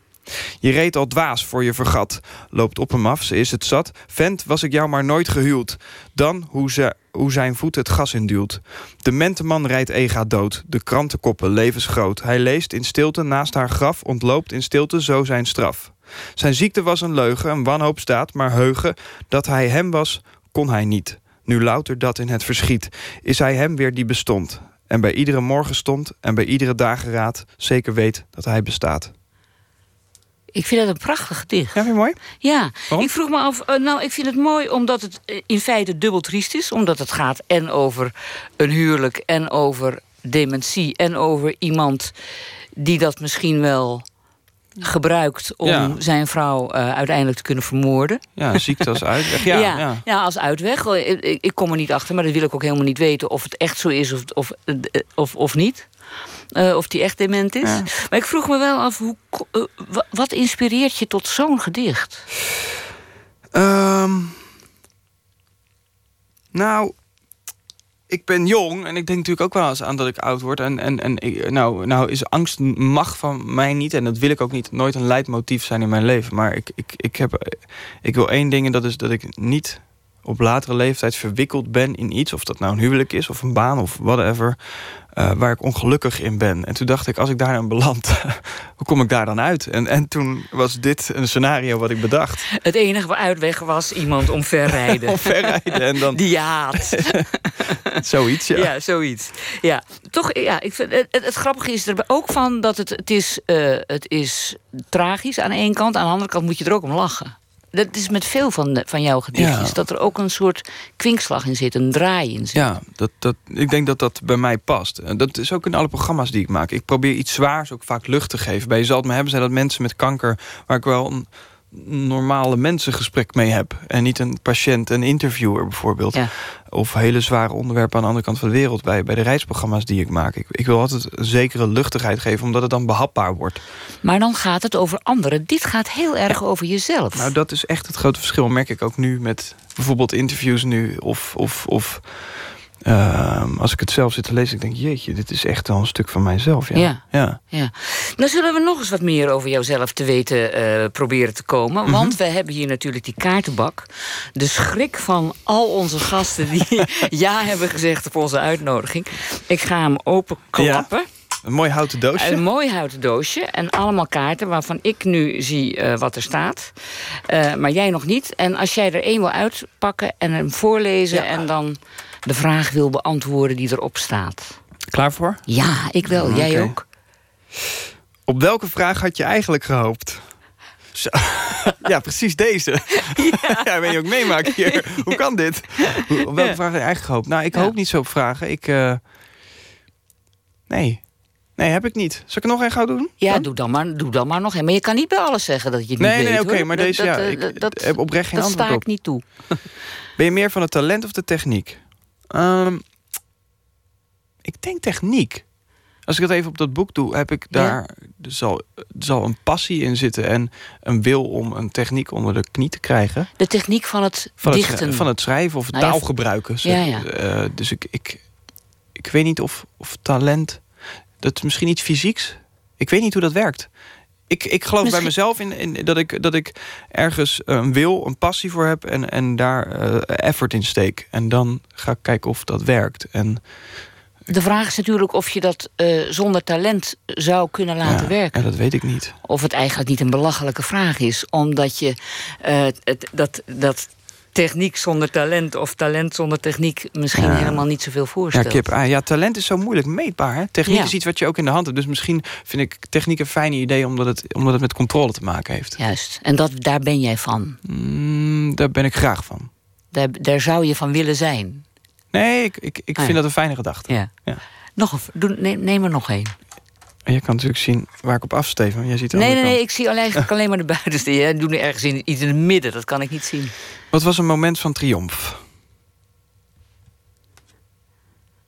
Ik kan allemaal carrière dingen noemen, maar een moment van triomf was toen ik merkte dat ik niet meer bang was eh, om te voelen. Dat, dat, heb- dat, dat, ik besefte me dat de afgelopen je- ergens twee jaar terug. Dat ik dacht, oh, ik, ik ben helemaal niet meer bang voor angst. Ik ben niet meer bang om verdrietig te worden. Ik, dat gebeurt dan en ik kan dat wel hebben. Ik kan dat wel aan. En dat, dat vond ik, naast alle, alle contracten uit televisieland... en een boek, boek schrijven en, en de wereld over reizen en een huis kopen... dacht ik, dit is de kern van mij. Dit is voor mij een triomf. Dat, dat heeft te maken met lef in plaats van laf. Maar eh, hoe uitte zich voor die tijd jouw angst om te voelen? Eh, door eh, mijn wereld heel klein te houden, alles in te kapselen in die angsten, daarnaar te handelen, dat leidend te laten zijn in mijn leven. Ehm, Geef eens een voorbeeld. nou, ik, ik, ik was toen ik 22 was, eh, studeerde ik aan de universiteit iets wat ik niet wilde studeren. Ging met mensen om waar ik niet mee wilde zijn. Had ik, een, ik was verloofd met iemand waarvan achteraf bleek dat het geen goed idee was. En, en zo voorts. Ik ging, ik ging de wereld niet over, ik zag niks van de wereld. Ik hield mijn wereld heel klein. Ook emotioneel. Ja. Want ik wilde niet te veel voelen. En, tot- en wat is er toen gebeurd waardoor je ehm, jezelf toestond om daaruit te breken? Omdat ik niet het gevoel had dat ik leefde. Omdat ik heel erg down was. eh, En in, het, eh, in een angststoornis verwikkeld raakte. En daardoor in een depressie. En ik dacht, ja, dit, wacht eens eventjes. Dus ergens zat nog wel een wil. Maar ik dacht, eh, dit, is niet, dit gaat niet de goede kant op. En hoe, hoe lang heeft het toen geduurd voordat je uit die depressie op het moment was dat je dacht: ik ben niet meer bang om te voelen? Dat kan niet van het een op het andere moment Nee, zijn Ik ga even rekenen voor je. gegaan. Dat, dat heeft zes jaar geduurd. Zes Van het jaar? moment dat ik dacht, nu moet ik... Ja, vijf en een half. Dat ik moet nu iets doen. Tot het moment dat ik dacht... Oké, nu ben ik... En dat is echt een, een dagtaak geweest. Ja. En kan je dat moment, want het was blijkbaar een moment, echt aanwijzen? Dit moment dacht ik, nu ben ik niet meer bang om te Ja, voelen. ik zat in de trein van mijn ouders naar huis. En ik had eh, was zelfs privé iets aan de hand. En ik was zo lang al verdrietig. Tot ik dacht... Maar dan, ik mag. Ik ben niet meer bang om iets te voelen. Ik, ik ga straks naar huis en dan ben ik thuis. En dan, dan ben ik met mezelf. Ik ben een goede vriend van mezelf. En dan kan ik dat aan. Ja. Eh, Is dat ook de reden geweest dat je deze gedichtenbundel nu hebt durven publiceren? Nou, eh, dat zou goed kunnen. Dat dit voor mij eh, ook om daar staan. Ik, als je het gelezen hebt, er staan zware dingen in. Ja. Ook heel veel lach hoor, maar ook Mhm. zware dingen. Daar kan ik nu. eh, daar, daar kan ik nu de- de- de- het, boek sluiten. Snap je? En, ik snap het. ja. Ja. Neem dan nog een kaart Nog als een je kaart. wil. Ja, ja, ja, we, zijn, we zijn nog niet aan het eind. Wie ga je uit de weg? Helemaal niemand. Helemaal niemand. Ik ga niemand uit de weg. En jezelf dus ook niet meer, Nee, begrijp ik niet. nu. Nee. nee, want dat vind ik dat iemand uit de weg gaan. Ja, dat, dat straalt iets uit van, van, van hypothese ook. Er Nou zou, ja, angst voor, voor Angst. iets onbekends misschien. Ja, of, of geen zin, dat kan natuurlijk ook. Het hoeft niet altijd angst te Mhm. zijn. Eh, nee, ik heb niet dat ik. eh, ik, vind, ik vind de moeite om iemand uit de weg te gaan. vind ik vervelender dan, dan eh, een emotie reguleren als ik iemand tegenkom. Of dat een ex-vriendin is, of een oude bekende, of iemand waar ik een nare aanvaring mee heb gehad. Een Of, confrontatie of Ja, wat dan nee, ook. nee, ik ga helemaal- niemand uit de weg. Nooit. Dat, eh, ik denk dat ik dat wel gedaan heb. Vooral mezelf waarschijnlijk. Maar ik, nee. Het past natuurlijk ook bij je nieuwe houding van nergens meer bang voor zijn, niet meer bang Ja. zijn om te voelen. Ja, maar ik denk dat dat dan vooral iets intrinsieks is. Dus Hmm. bij mezelf. Ja. Ehm, eh, ik denk dat ik bang voor anderen nooit echt geweest ben. Heel goed. Zullen we de laatste doen? Nog eentje? Ja. Ik vind het wel leuk met je. Leuk, hè? Ik vind het ook leuk met jou, jongen. Wat is je terugkerende nachtmerrie? Ehm, ehm, ik, eh, ik weet dat het, eh, dat het eh, dat zijn spiralen, cirkels. Iets wat, dus ehm, de patronen. Spiralen, cirkels, Ja, nee, patronen, daar kan dus ik niks ik, mee. Ik heb geen nachtmerrie dat ik uit een vliegtuig donder... maar ik weet dat mijn hoofd te vol is... of dat het te veel coleren zo is in mijn leven... Als ik, als ik niet meer droom. Dus als ik alleen maar patronen en, en rare figuren denk... die in cirkels bewegen alsof er een soort machine op hol slaat... dan word ik wakker. Heel vervelend word ik dan wakker. En dan denk ik, nee, dit is niet goed. Dat is in die zin verrassend, want je hebt ook een paar ehm, gedichten in je bundel. waarin wel degelijk je in, in een bepaald, eh, nou bijna. Ja, het is niet een wiskundig patroon, maar Nee, wel die, in eh, patronen ja, denkt zeker, ook. En zeker. ik weet niet hoe ik dat zelf uit moet leggen. Misschien kun je dat zelf beter doen dan ik. Bedoel je deze Maar, eh, ja, bijvoorbeeld. Ja, Ja. ja. Eh, maar nou, maar leg eens uit, dat, want je laat het nu mij zien en dit is radio. Ja, nee, nee, dan weet ik zeker dat we het over hetzelfde hebben. Mhm. Egocentrie is, als je het boekje hebt, pak hem nog even bij, pagina 60. Dat is een, een vierkantje van het woord jij. Jij is een palindroom, dus dat kan je in een vierkant zetten. Ja. en heen en terug lezen. En als je daar in het midden eh, ik, eh, een K zet, dan staat er ook nog ik. Dus dan krijg je in patroon egocentrie. Zeker. Ja, en dus dat, dat is erin. Dus ook nog een dubbel gedicht. Eh, dat is Ja. ook bijna een, een, soort patroon. Dus, Ja. dus je zoekt de patronen, hoewel je er dus blijkbaar bang voor bent, zoek je ze ook op in je eigen werk. Ik ben er niet bang voor. Hè? Ik, ik weet alleen dat ik het geen fijn gevoel Nou ja, vind. terug, Ja, terugkerende wel- nou, nachtmerrie hadden we het Ja, nou ja, over. Dus. ja die patronen, die puzzelachtige structuren, die, die, eh, die zoek ik wel vaak op. Ja. Dus ook, maar eh, vind ik ook fijn in kunst. Als ik naar kunst kijk, vind ik heel fijn bijvoorbeeld naar Escher te kijken. De, de- want dat, dat heeft Ja, dat zelf heeft natuurlijk ook iets wiskundigs Band en- van Mobius ja. en dat soort dingen.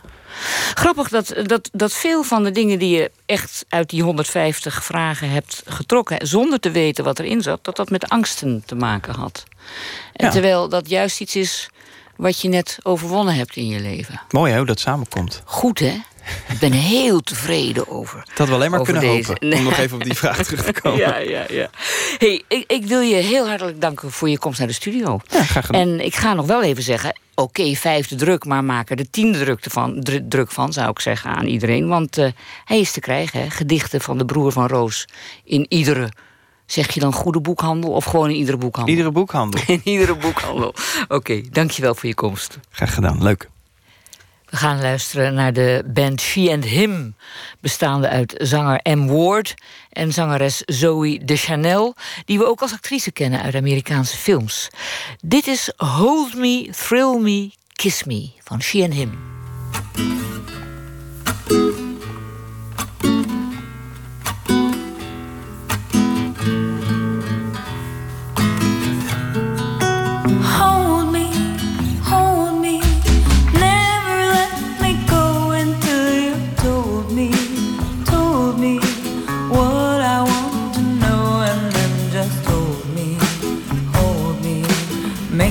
Tell you I'm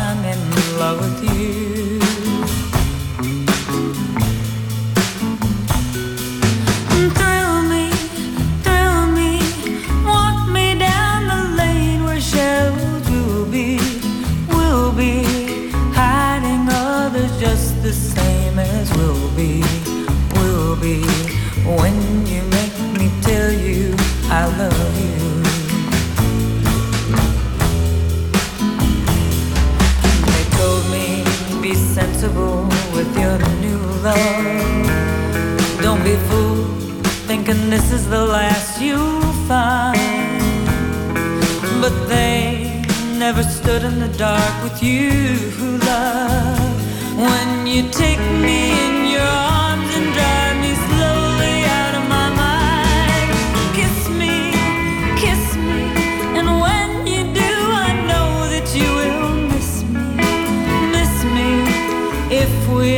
ever say I do, so kiss me, kiss me, make me tell you I'm in love with you.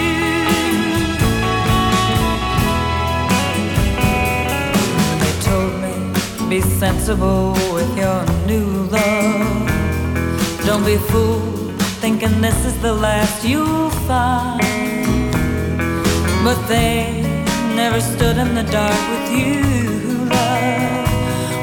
you take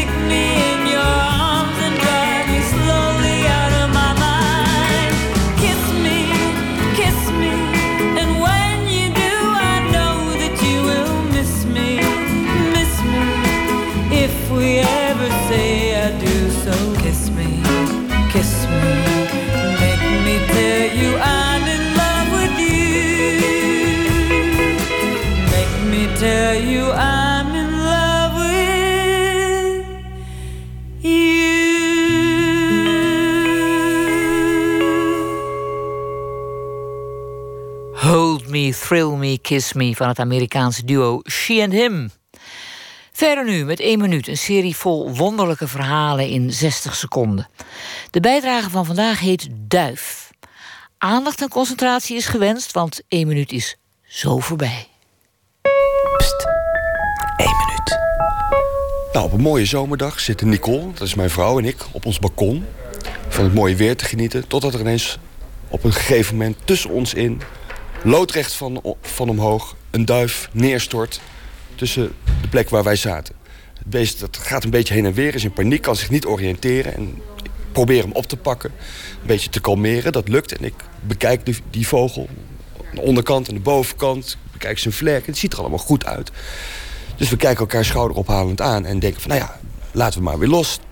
Dus met een klein zetje gooi ik de duif in de lucht om hem weer de vrijheid te geven. En het beest stort loodrecht omlaag. En in een soort van vril die je alleen ziet bij duikbommenwerpers uit de Tweede Wereldoorlog...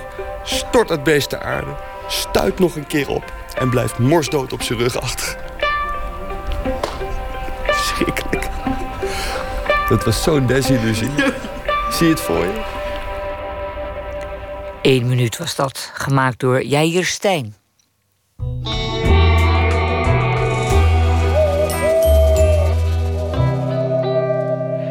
We eindigen deze aflevering met proza dat reageert op het nieuws van de voorbije dag. En deze week wordt dat proza verzorgd door Don Duins.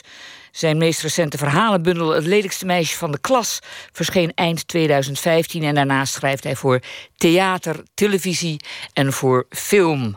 Don, goedenacht. Goedenacht, Clary. Was er veel nieuws vandaag om uit te kiezen? Er was, uh, er was wel veel, ja. En uh, natuurlijk ook de Oscar-nominaties. Ik weet niet of dat echt nieuws is, want dat heb je natuurlijk elk jaar. Ja. Maar goed, dan was het toch wel nieuws. Een Nederlandse nominatie ook. Maar goed, daar gaat mijn verhaal niet over. Ik heb wel die, uh, die film gezien, The, The Red Turtle. Ja, dat, dat, is maar goed dat je verhaal er niet over gaat. Want we hebben hem te gast gehad vanavond. Dus, nee, dan is het heel goed. Ja. dus, maar waar gaat het dan wel over? Het heet De Draai van Dries. De Draai van Dries. Welke Dries? Zal ik het voorlezen? Ja, doe het maar. Dan wordt het snel duidelijk. Doe maar. De Draai van Dries. Heerlijk interview met oud-CDA-premier Dries van Acht... vandaag in het Algemeen Dagblad. In het linkse VPRO-milieu waarin ik opgroeide... stond Van Acht met zijn anti-abortusbeleid...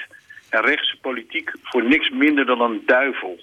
Zo werd hij ook afgebeeld op de cartoons van Peter van Straten. Van Acht, dat was de vijand van Joop den Uyl. Een man die het land een ruk naar rechts probeerde te geven. Een ethisch revij heette dat toen. Dan moet je nu eens kijken. In het interview met Rob Berends en Harm Graat... doet de nu 85-jarige wielrenfanaat onder andere de volgende uitspraak. Curieus, ik word steeds linkser. Curieus, ja. Van Acht is zijn karakteristieke taalgebruik gelukkig nog niet verloren.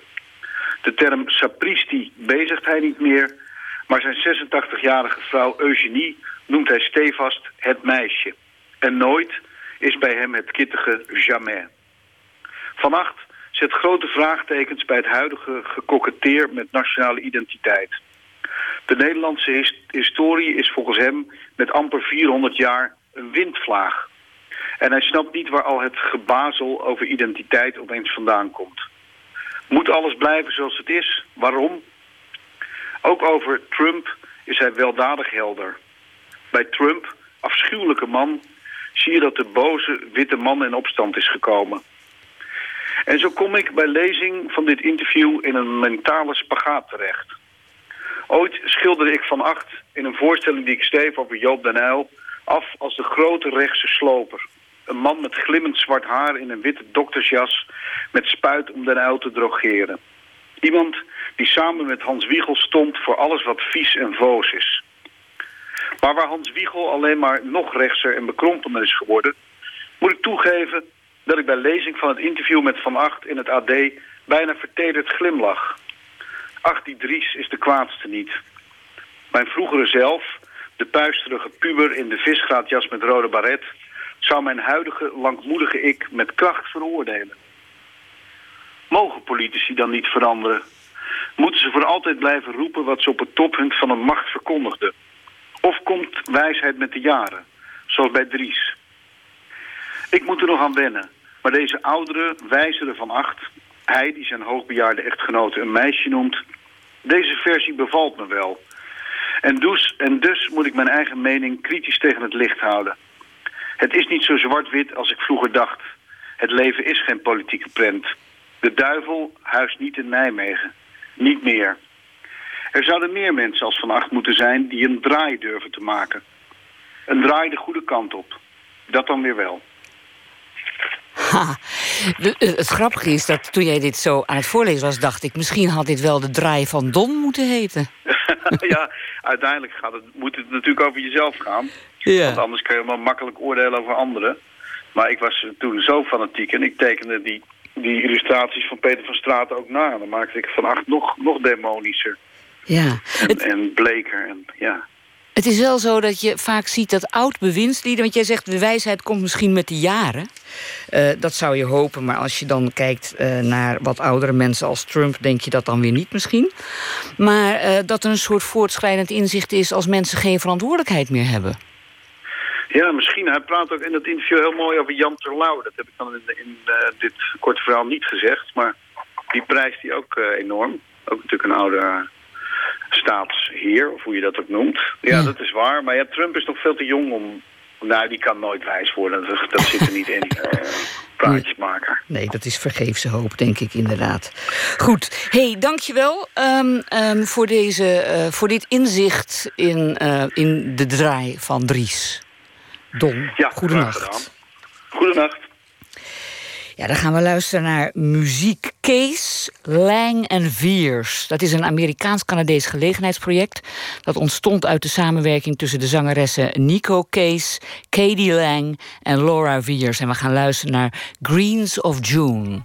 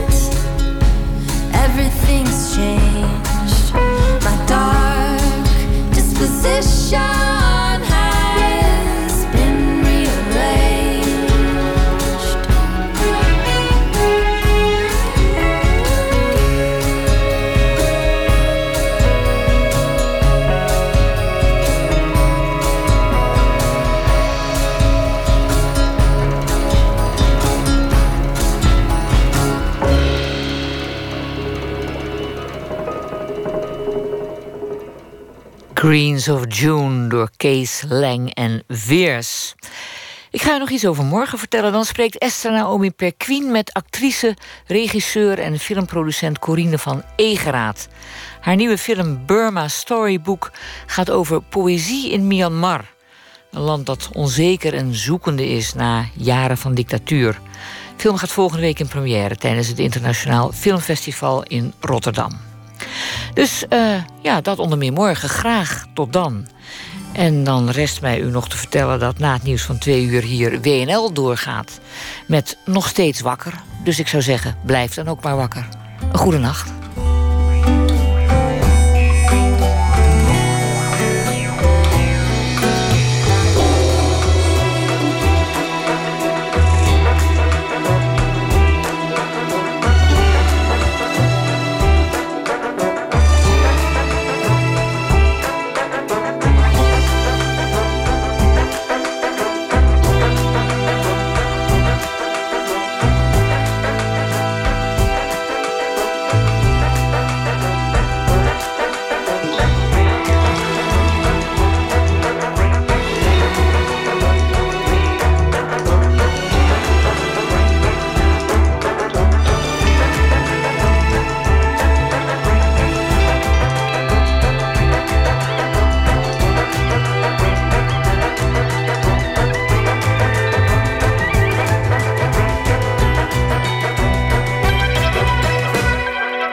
Radio 1. Het nieuws van alle kanten.